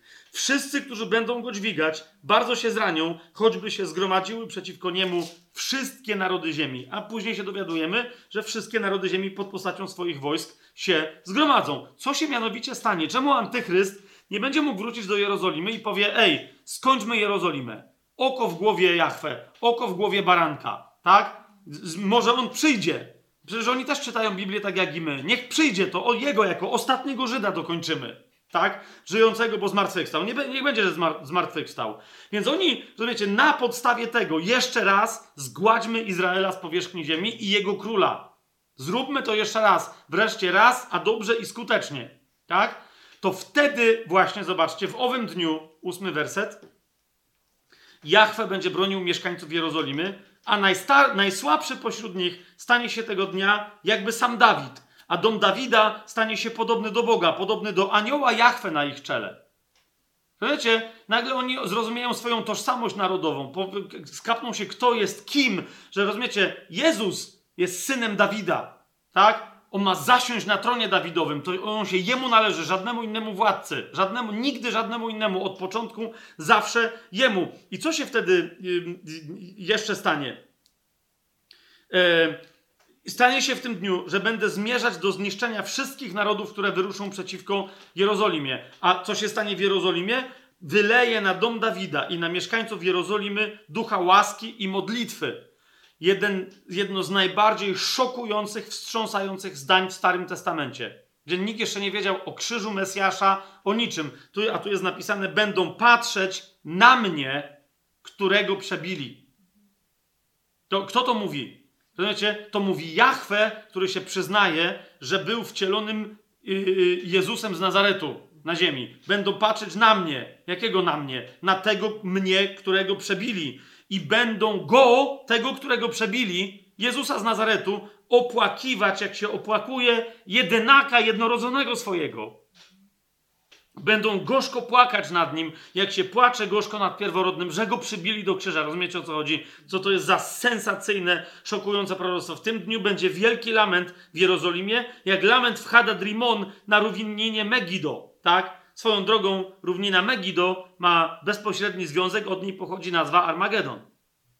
A Co tam się wcześniej działo, teraz ja nie będę tego rozważać, ale tu macie pewne, em, pewne powiązania. I zobaczcie dalej. Ziemia będzie lamentować, dwunasty werset. Izraela. Tak? Każdy ród osobno, ród domu Dawida osobno i jego kobiety osobno, ród domu Natana osobno i jego kobiety osobno, ród domu Lewiego osobno i jego kobiety osobno, ród Shimejego osobno i jego kobiety osobno. Wszystkie pozostałe rody, każdy ród osobno i ich kobiety osobno. I jeszcze zobaczcie 13 rozdział, pierwszy werset. W tym dniu zostanie otwarte źródło dla domu Dawida i mieszkańców Jerozolimy dla obmycia grzech, grzechu i nieczystości. Wiecie, co to oznacza? To oznacza nawrócenie mieszkańców Jerozolimy. Oni powiedzą po naszym trupie, ale nie wejdziesz tu z powrotem antychryście. To był nasz błąd, naszym królem, naszym królem jest Jezus. I teraz ym, w dziewiątym wersecie czytamy, że to nie będzie takie łatwe, bo tam rozumiecie, będzie, wo- będzie wojna, ale czytamy, że Pan mówi, że przeprowadzi trzecią część Izraela przez ogień i oczyści ich, jak się czyści srebro. Wypróbuje ich, jak się próbuje złoto. Będą wzywali mojego imienia, mówi, a ja ich wysłucham. Powiem, Ty jesteś moim ludem, a oni powiedzą, Jahwe jest moim Bogiem. I teraz co się wtedy stanie w tej sytuacji? Wszystkie narody powiedzą, dobra, to już wystarczy. Rzeczywiście antychryst ma rację. Teraz jak już takie rzeczy się dzieją, to, to, wraca, to wraca Jezus. Zwłaszcza, że oni mogą się, rozumiecie, pytanie brzmi, czemu? zostanie uchroniony Edom. Co się będzie działo w Edomie? Izajasz między innymi mówi, że Jezus y, zanim przyjdzie i stanie, jak mówi Zachariasz, na górze oliwnej i dotknie ziemi, będzie szedł w powietrzu i wykona sąd na przykład nad Edomem. Tak? Kim jest ten, który idzie z pustyni, który przychodzi z Edomu w zbroczonych szatach? To jest, rozumiecie, nikt nie będzie wykonywać sądu nad Edomem, kiedy Jezus go będzie wykonywać. Całkiem możliwe, że antychryst stamtąd się wycofa i powie: Jo, ja widziałem gościa, on już jest na ziemi. Nie wylądował jeszcze, ale wiadomo, gdzie, on, no, gdzie może zmierzać Jezus. Więc dogadajmy się, nie bijmy się ze sobą, walczmy przeciwko niemu, bo on idzie ze swoją armią z nieba. Czajcie, co, co, to, co tam się będzie wyprawiać. Nie? Oni się wtedy zjednoczą, a wtedy co się stanie? 14 rozdział Zachariasza, od drugiego do piątego wersetu. Zgromadzę bowiem do bitwy wszystkie narody przeciwko Jerozolimie. Miasto zostanie zdobyte, zwróćcie uwagę.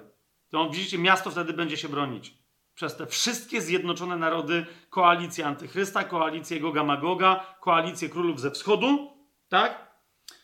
Domy splądrowane, kobiety zgwałcone. Pamiętacie, jak Pan Jezus mówi o tym, że przyjdzie to na Jerozolimę, że poganie będą deptać ją aż do końca. I dlatego, jak powiedział, jak zobaczycie to, tak, jak zobaczycie ohydę spustoszenia, obrzydliwość spustoszenia, powiedział, uciekajcie w góry. Dokładnie, bo rozumiecie, jak tam do Edomu, to, jest, to, to są te góry.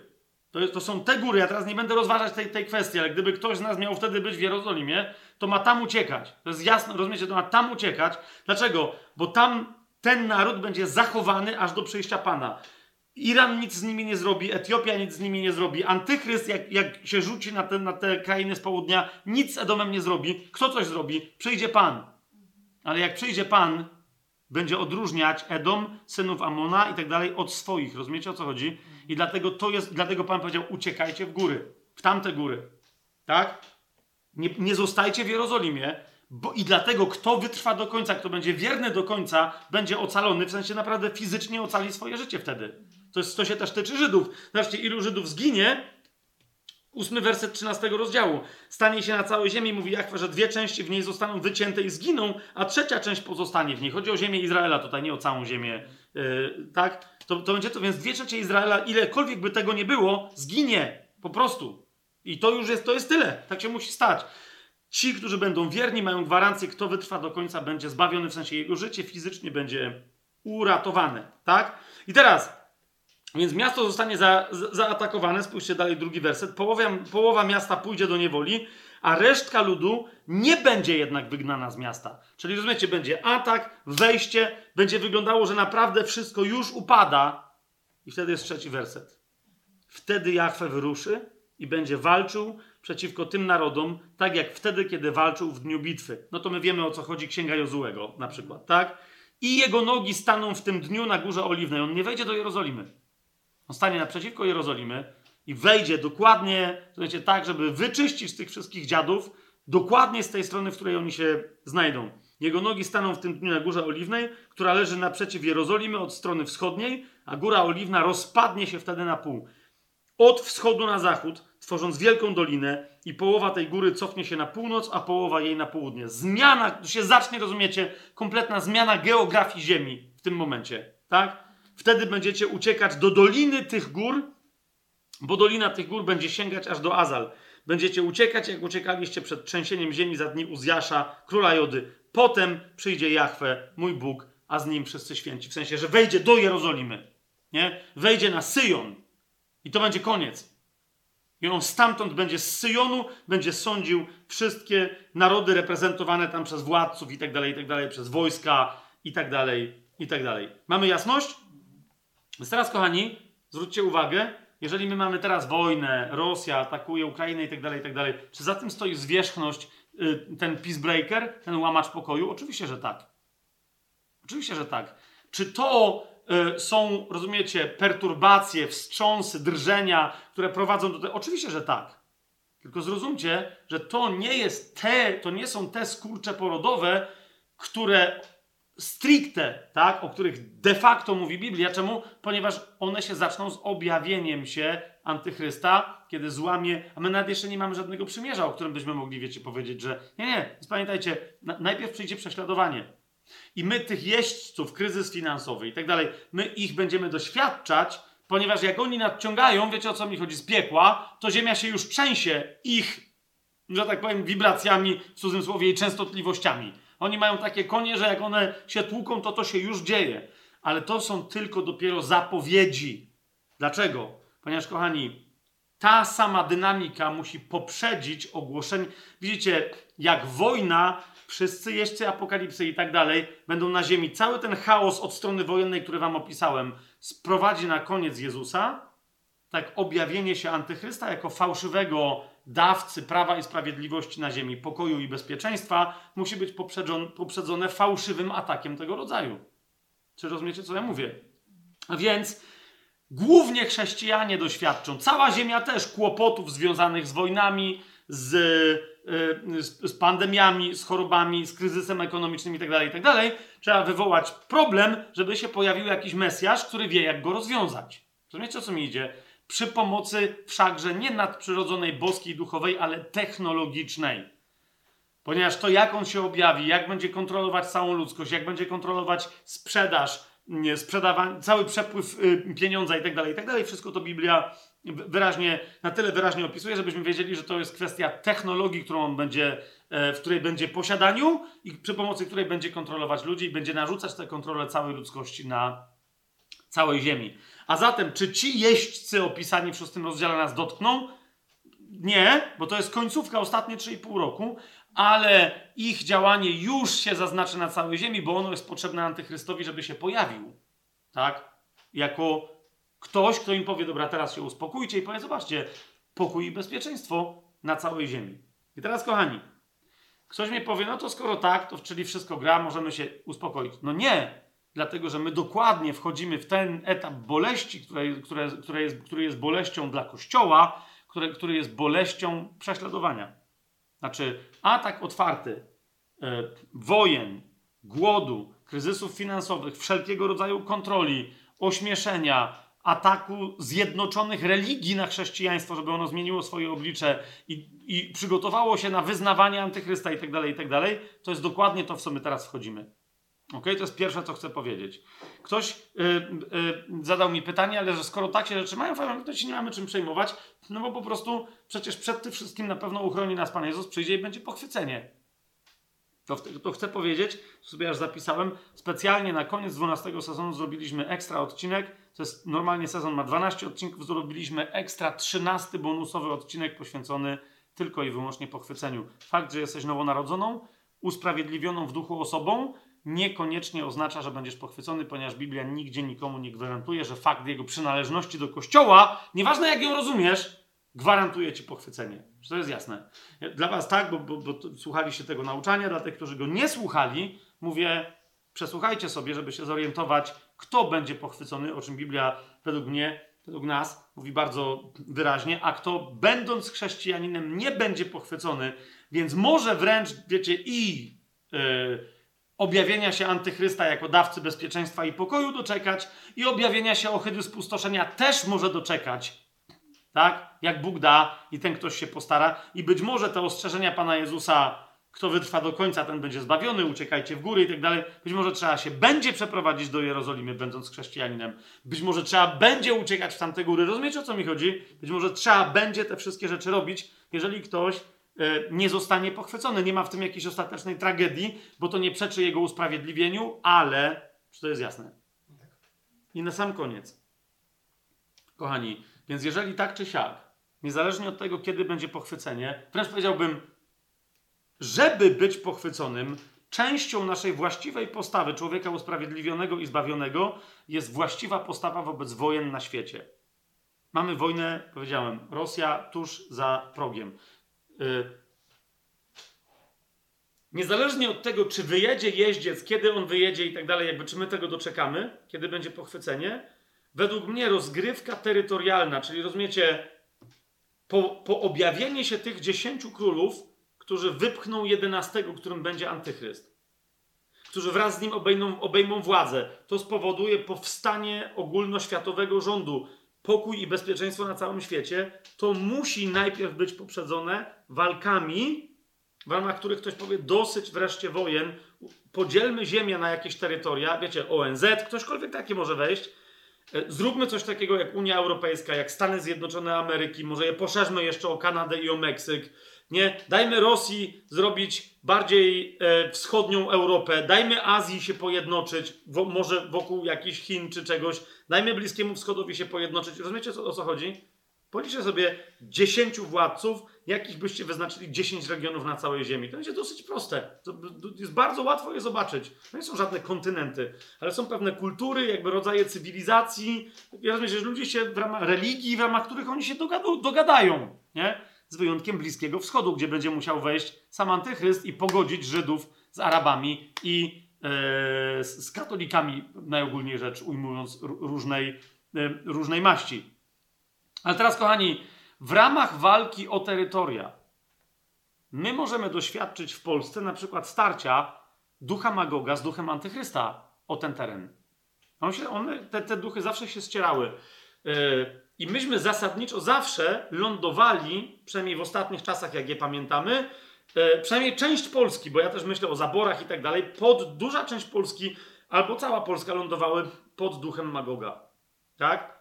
Częściowo Polska była rozbierana i trafiała pod postacią zaboru pruskiego czy austriackiego do ducha antychrysta, bo to jest zasadniczo zachodnia Europa, tak? Magog to jest zasadniczo, powiedzmy sobie, historycznie Rosja.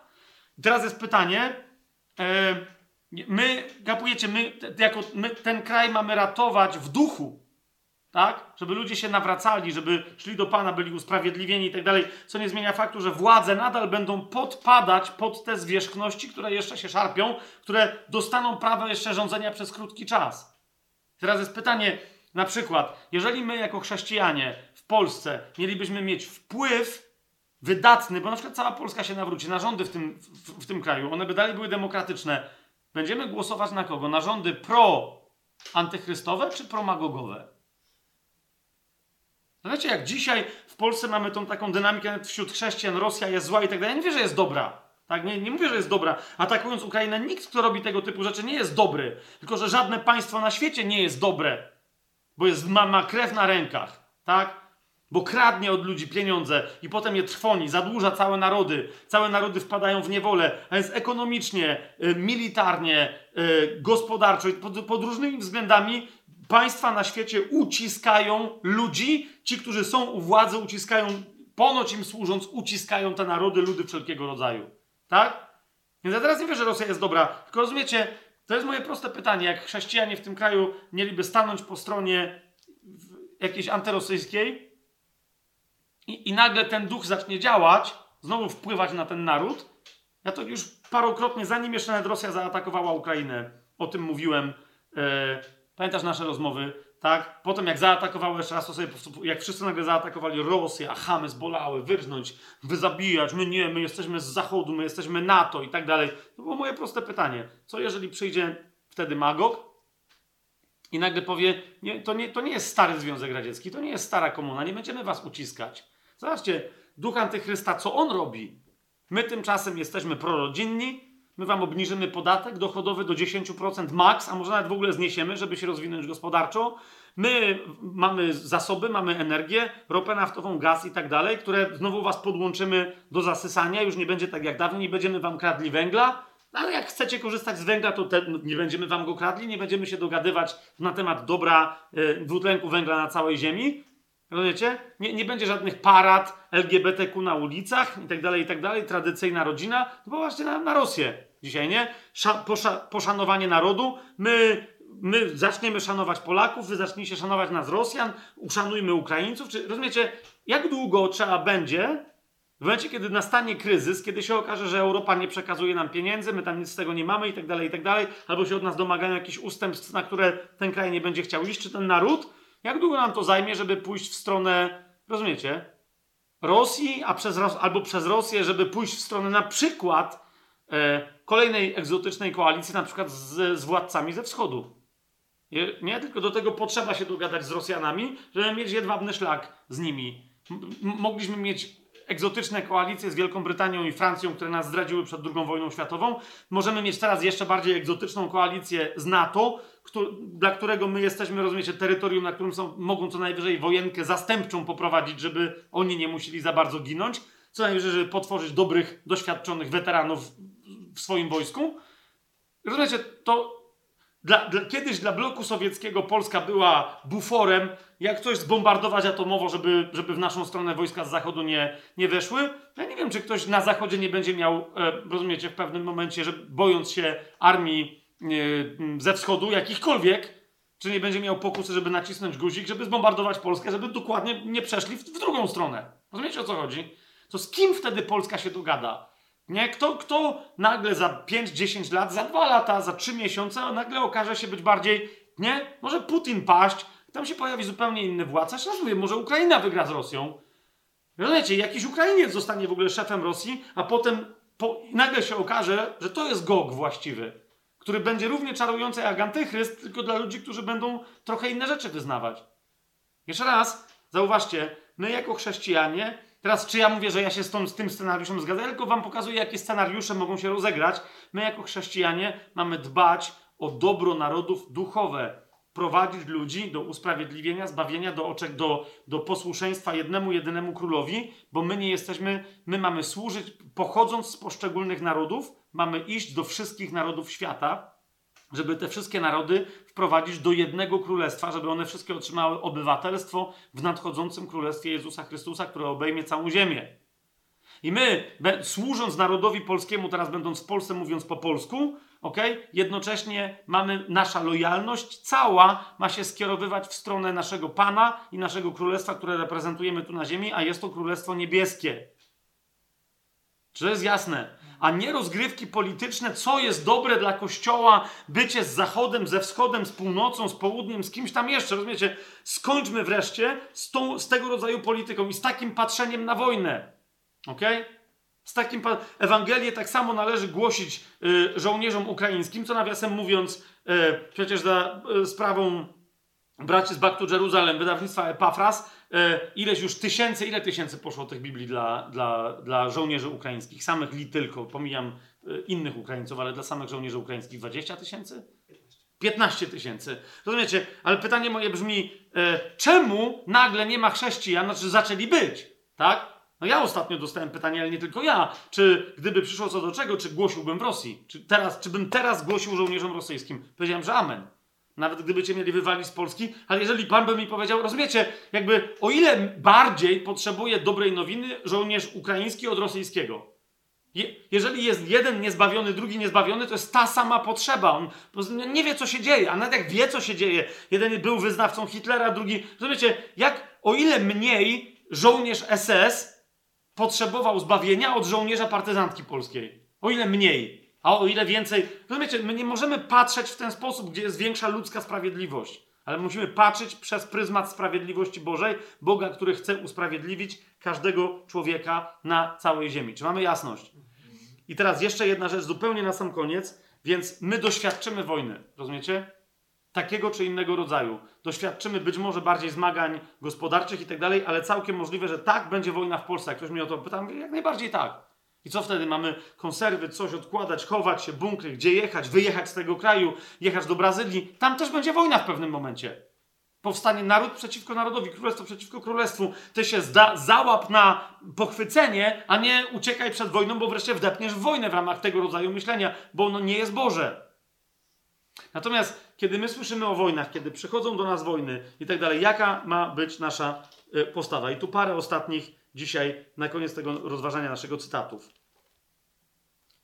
Bo nawet będąc pocieszeni, jak wygląda cała dynamika wojny tego drugiego, e, tego drugiego jeźdźca, jeszcze raz powtarzam, na, rozumiecie, my zmierzamy prostą drogą, równią pochyłą w stronę katastrofy światowej. Tak? W stronę katastrofy światowej, bo żeby doszło do tego momentu objawienia pseudo-antychrysta, pokój i bezpieczeństwo na całym świecie, jemu są potrzebne rozruchy na całym świecie, żeby świat na całym, żeby wszystkie ludy na całym świecie, na całej ziemi powiedziały, czy ktoś może wreszcie dać nam święty spokój, w ramach którego byśmy sobie z powrotem żyli elegancko. I to będzie antychryst. Więc najpierw ten pokój, święty spokój, zwłaszcza na zachodzie, na białym zachodzie, w Europie, w Ameryce Północnej, on się musi skończyć. A my należymy do, jeżeli myśmy doświadczali pokoju przez ostatnich paręnaście, parędziesiąt lat, to to się też u nas skończy. To się, jeżeli nie wojna, to rozruchy wewnętrzne, to wojna domowa, rozumiecie? Walki, religia, wszyscy będą się ścierać o wszystko, co tylko, rozumiecie, co tylko sobie pomyślą, y, że stanowi dla nich jakąkolwiek wartość. I teraz Ewangelia Mateusza, 24 rozdział. Porada Pana Jezusa jest jednoznaczna. Dla nas, jako dla chrześcijan. Szósty, od szóstego yy, wersetu. Usłyszycie też o wojnach, czyli że są wojny i plotki lub też pogłoski o wojnach, czyli że mogą wybuchnąć takowe. A więc jedna prawda, druga może prawda, może nie. Kto to wie? Uważajcie, abyście się nie trwożyli. Pan Jezus mówi: Uważajcie, abyście nie dopuścili trwogi, lęku, strachu do swojego serca. A więc, kochanie, ktoś mnie pyta, konserwy, e, bunkry, te wszystkie historie. Pierwsza, najważniejsza rzecz, rozumiesz? Przestań się bać, ponieważ z całą pe- pewnością, kiedy zaczniesz się bać, nie wypełnisz woli Bożej. Popełnisz głupie błędy, podejmiesz decyzje, które będą opłakane w skutkach. Po prostu, to jest jasne? Nie? Pozostań w modlitwie, na tej modlitwie szukaj pokoju i idź za tym pokojem. Ok? Wojna typu, że przyjdzie jakieś wojsko i tak dalej. Pan Jezus mówi wyraźnie, zanim to przyjdzie, zanim to miałoby dotknąć ciebie i twoją rodzinę, masz wojnę, prawdziwą wojnę domową, nawet nie tuż za progiem. Zobaczcie, co dalej Pan Jezus mówi. Mówi, uważajcie, abyście się nie trwożyli. Wszystko to bowiem musi się stać, ale to jeszcze nie jest koniec. Nie? Potem jest początek boleści, ósmy werset, a co do nas Pan Jezus mówi, wydadzą was na udrękę. Będą was zabijać i będziecie znienawidzeni przez wszystkie narody z powodu mojego imienia. A wówczas wielu się zgorszy, będą się wzajemnie wydawać, kto? Chrześcijanie. I jedni drugich nienawidzić. Powstanie też wielu fałszywych proroków i wielu zwiodą. A ponieważ wzmoże się nieprawość, miłość wielu oziębnie. Rozumiecie? Więc my powinniśmy się. Gdzie kto się napełnił miłością, w tym nie ma. Bóg jest miłością, tak? W miłości nie ma lęku. To jest jasne? Jak im bardziej ludzie się boją, tym bardziej nie, nie kochają. I dlatego nasza dbałość najważniejsza to nie jest to, żeby się nie bać, tylko żeby kochać. To jest jedyne lekarstwo, jedyne panaceum, jedyne remedium na całe to zło, które już zaczyna się pastwić nad tą ziemią, nad ludzkością, nad jedyna, jedyna, jedyne światło, którego nie może ogarnieć gęstniejąca wokół nas niemoralna ciemność. W Ewangelii Marka w 13 rozdziale czytamy.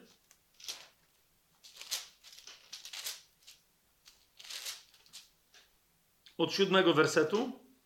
Gdy więc usłyszycie o wojnach i pogłoski o wojnach, nie lękajcie się. Jeszcze raz mamy to powtórzone. To się musi stać, ale to jeszcze nie jest koniec. Natomiast, zobaczcie dziewiąty werset, miejcie się na baczności, bo będą was wydawać sądom i biczować w synagogach. Staniecie przed namiestnikami i królami z mojego powodu na świadectwo przeciwko nim. I teraz mamy się mieć na baczności, żeby to, żeby się nie dać złapać? Czytajcie w kontekście. Mamy się mieć na baczności, żeby co? Żeby nawet w tej sytuacji się nie przestraszyć. I, nie, i przestać wreszcie myśleć po ludzku. Ok? Mianowicie, gdy będą was prowadzić, jedenasty werset, żeby was wydać, nie martwcie się wcześniej, co macie mówić, ani o tym nie rozmyślajcie, ale mówcie to, co wam będzie dane w tej godzinie. Wy bowiem, nie wy bowiem będziecie mówić, ale Duch Święty. Miłość wynika z działalności w nas Ducha Świętego. To nie jest wypełnianie religijnych przykazań, które nam mówią, że to jest miłość. To jest funkcjonowanie w posłuszeństwie Duchowi Świętemu, który dosłownie z minuty na minutę mówi nam, co jest miłością w relacji z innym człowiekiem, co jest posłuszeństwem woli Bożej, który wie, jak kochać najlepiej. W posłuszeństwie woli Boga, który wie, jak kochać najlepiej. Ewangelia Łukasza, 21 rozdział. Tam wręcz yy, od 14 wersetu Pan Jezus w Ewangelii Łukasza mówi: postan Dlatego postanówcie sobie w sercu, aby nie obmyślać wcześniej, jak macie odpowiadać. Zauważcie, Pan Jezus nie mówi: Postanówcie sobie, że nie dacie się złapać.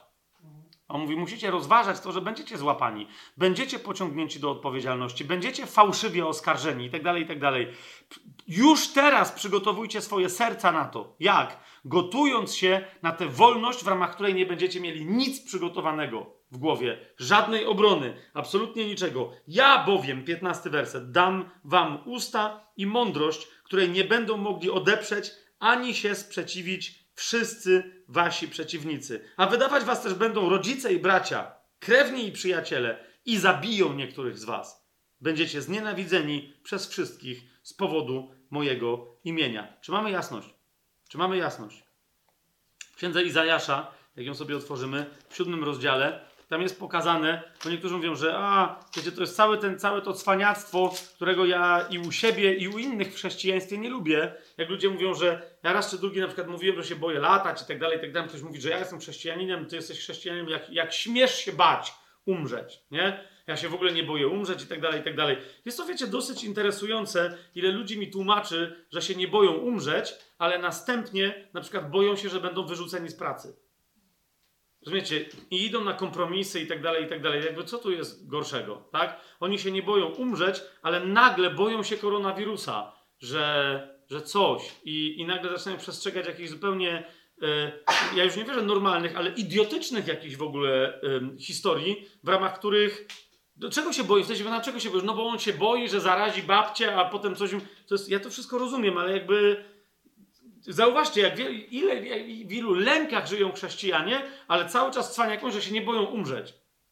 Z całym szacunkiem, jak się boisz całych, tak wielu tych wszystkich innych rzeczy i nie ma tu w tobie, ja już pomijam bohaterstwa, ale zwyczajnego, zdrowego rozsądku pochodzącego od Ducha Świętego, się zastanów, czy aby na pewno się nie boisz umrzeć. Ok? Jak, się pojawia wróg, realnie, to, to potrafi dotknąć bólem serca, przerażeniem i trwogą sama informacja o wrogu, e, nawet najsilniejszych. Zobaczcie w, siódmym rozdziale. E, to jest jeden z najlepszych według mnie takich krótkich fragmentów opisujących to zjawisko, e, jak u proroka Izajasza w siódmym rozdziale, od drugiego wersetu to jest opisane. To jest cała historyczna sytuacja, ale jest powiedziane, że doniesiono domowi Dawida, Syria zmówiła się z Efraimem. A więc masz zdrajców w swoim domu. Masz innych Żydów, którzy się dogadali z, Syry z, z, Asyryjczykami. Tak? I co się wtedy stało? Wtedy zadrżało jego serce i serce jego ludu, jak drżą od wiatru drzewa w lesie. Czyli to jest takie, z Syrią może byśmy sobie poradzili, ale ci nam wbijają nóż w plecy. To jest zdrada, nasi bracia nas zdradzają. Wtedy Pan powiedział do Izajasza, wyjdź teraz naprzeciwko Achaza, ty i Shear Jaszub, twój syn, na koniec kanału górskiej sadzawki przy drodze pola folusznika i powiedz mu, uważaj i bądź spokojny. To samo, co Pan Jezus potem mówi do nas. Uważajcie, żebyście się nie bali. Uważaj i bądź spokojny. Nie bój się i niech twoje serce nie lęka się z powodu dwóch niedopałków, tych dwóch niedopałków dymiących głowni, z powodu zapalczywego gniewu Resina z Syrią oraz syna Remaliasza. Ale to jest, rozumiecie, to jest porada Pana. Co my mamy robić? Uważać, ale będąc spokojnymi, nie bać się i pilnować swoich serc, aby one się nie przestraszyły. A nie, rozumiecie, ukrywać. Niektórzy sami przed sobą ukrywają, że się boją czegoś. I myślą, że zakrzyczą ten swój strach, kiedy będą publicznie wyznawać, że się nie boją. Przyjdzie co do czego i zadrżą jak osika. Po prostu. Więc uczciwość najsampierw.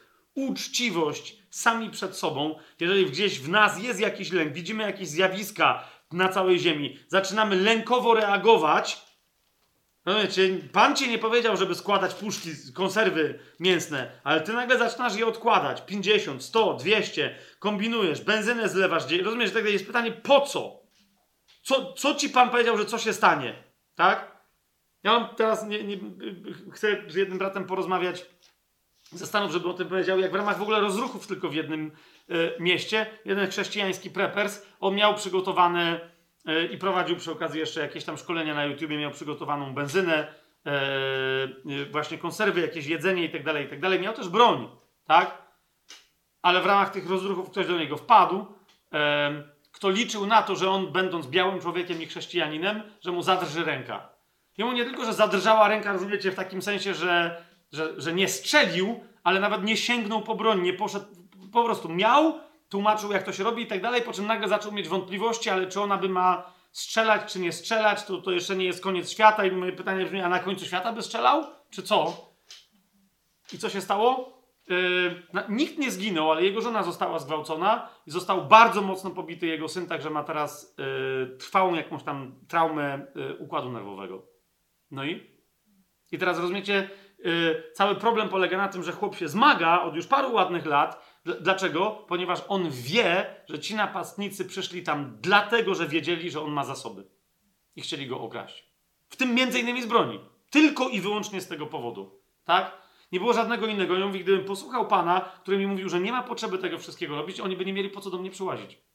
A mówi, ja ponieważ ja to miałem, jeszcze się z tym reklamowałem, ucząc innych, jak to jest fantastyczny pomysł, no to skończyłem jak skończyłem. Tak? I nie miałem sobie tego jednego. Jak mam broń i mam bronić tych zasobów i mojej rodziny, to powinienem strzelać. Mówi, ja tego jednego nie rozważyłem. Że ja w zasadzie to ja nie chcę nikogo zabijać.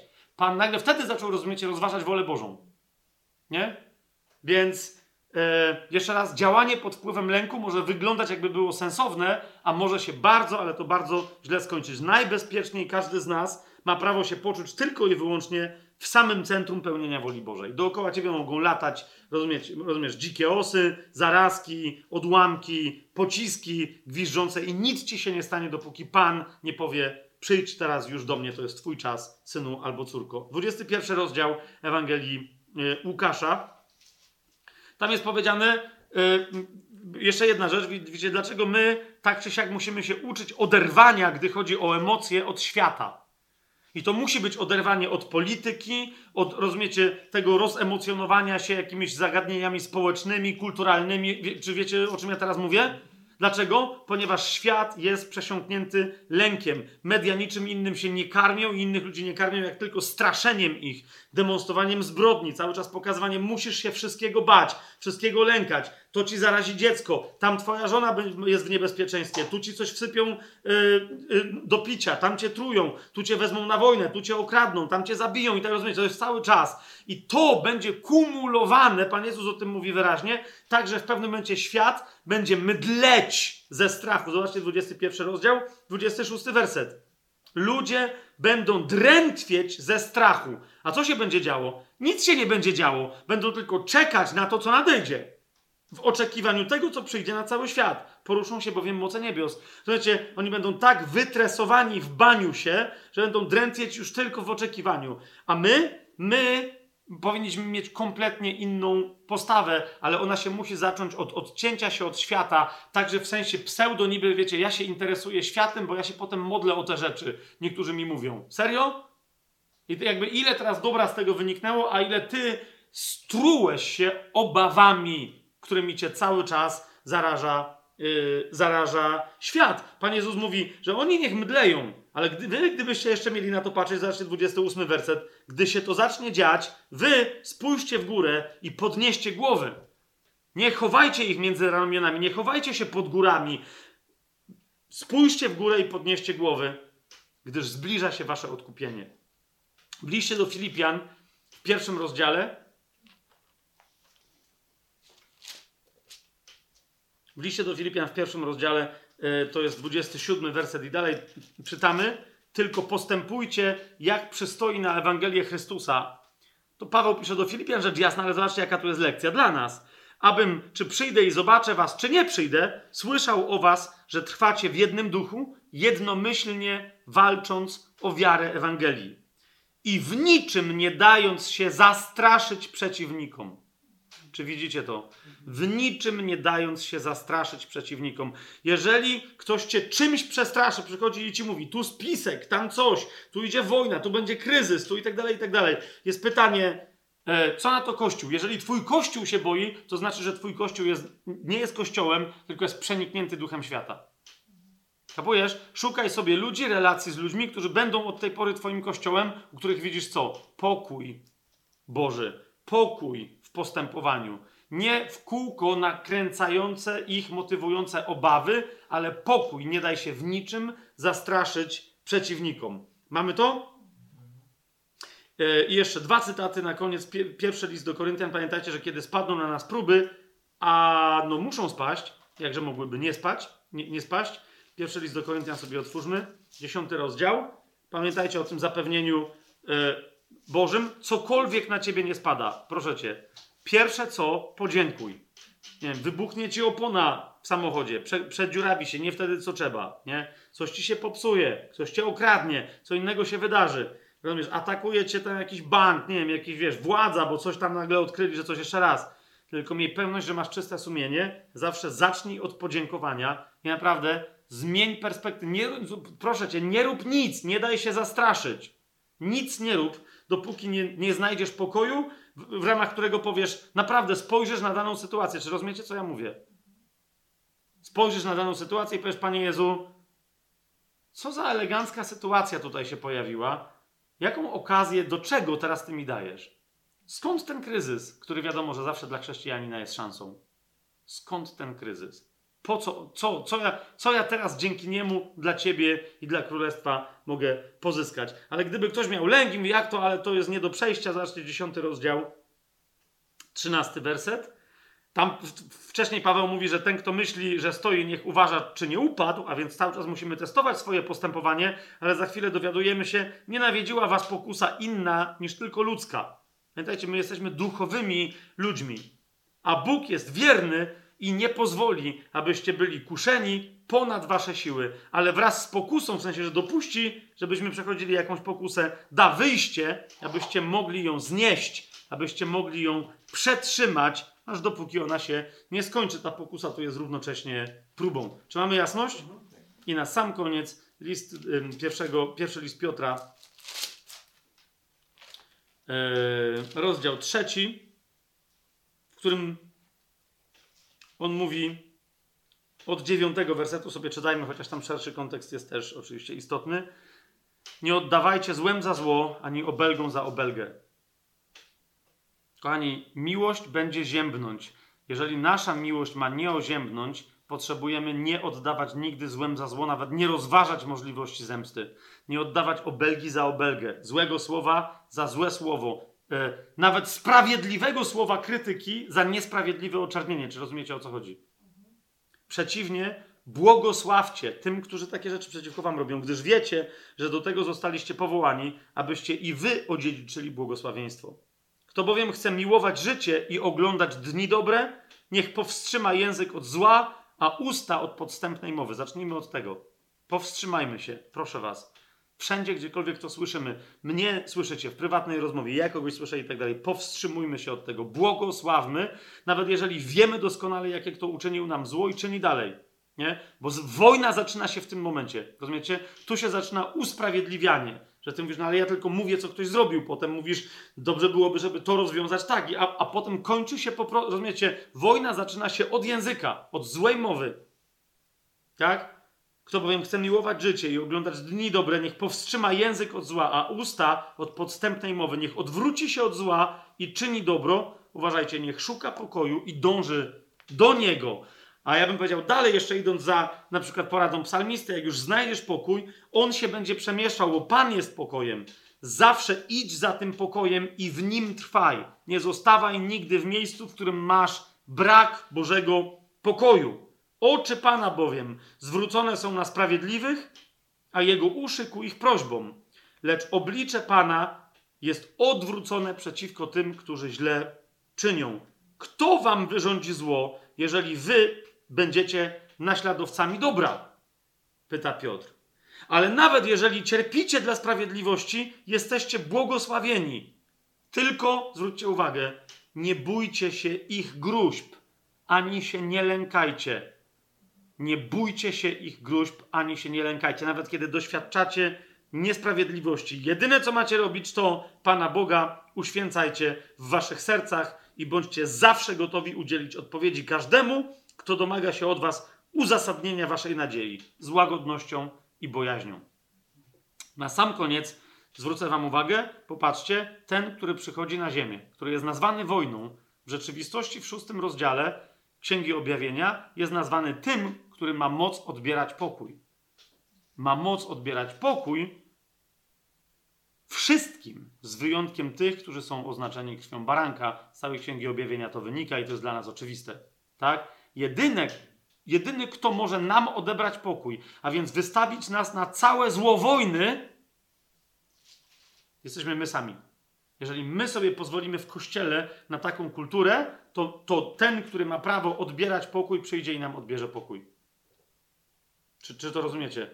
Ten, który ma prawo i możliwość to robić, przyjdzie i to zrobi, śmiejąc się nam w twarz, że my byliśmy jedynymi, którzy mogli mu się oprzeć, ale tego nie uczyniliśmy. Nie wiem, czego oczekiwaliście e, od takiego spotkania i nauczania, które mieliśmy mówić o drugim miejscu apokalipsy, jakiego straszenia. E, nie, nie wiem, czy akurat takich porad, ale powiem tylko, jeżeli ktoś poczuł teraz ulgę, że a okej, czyli wszystko gra, nie wiem, czy nie wolałbym, żebyśmy dostali prosty komunikat, weźcie karabiny, idźcie na wojnę i zgincie dla mojego imienia. Wiecie o co mi chodzi? Niż żebyśmy wiedli taki rodzaj życia, ponieważ to jest walka ze samym sobą znacznie poważniejsza niż z fizycznym, cielesnym wrogiem, a my nie walczymy przeciwko ciału i krwi. Rozpocznijmy, siostry i bracia, walkę o pokój w nas. Jakkolwiek dziwacznie i paradoksalnie by to nie brzmiało, walkę o utrzymanie w sobie tego pokoju, abyśmy nigdy nie dali się przestraszyć, abyśmy nigdy nie dali go sobie wypuścić z rąk, ponieważ on jest nam już dany. Mój pokój wam daję. Nie tak jak świat ja wam go daję. Jest dany. I to nikt nam go nie wyrwie. Jezus go nam nie odbierze. Jakiś, rozumiecie, łamacz pokoju nigdy w życiu, ale my sami możemy się go pozbawić, tego pokoju. Uczyńmy wszystko, aby nigdy do tego w życiu naszym nie doszło. W moim życiu, w Twoim życiu, ale też, aby nie doszło do tego w życiu tego, co, co jest dla nas, dla każdej, dla każdego z nas Kościołem. Amen.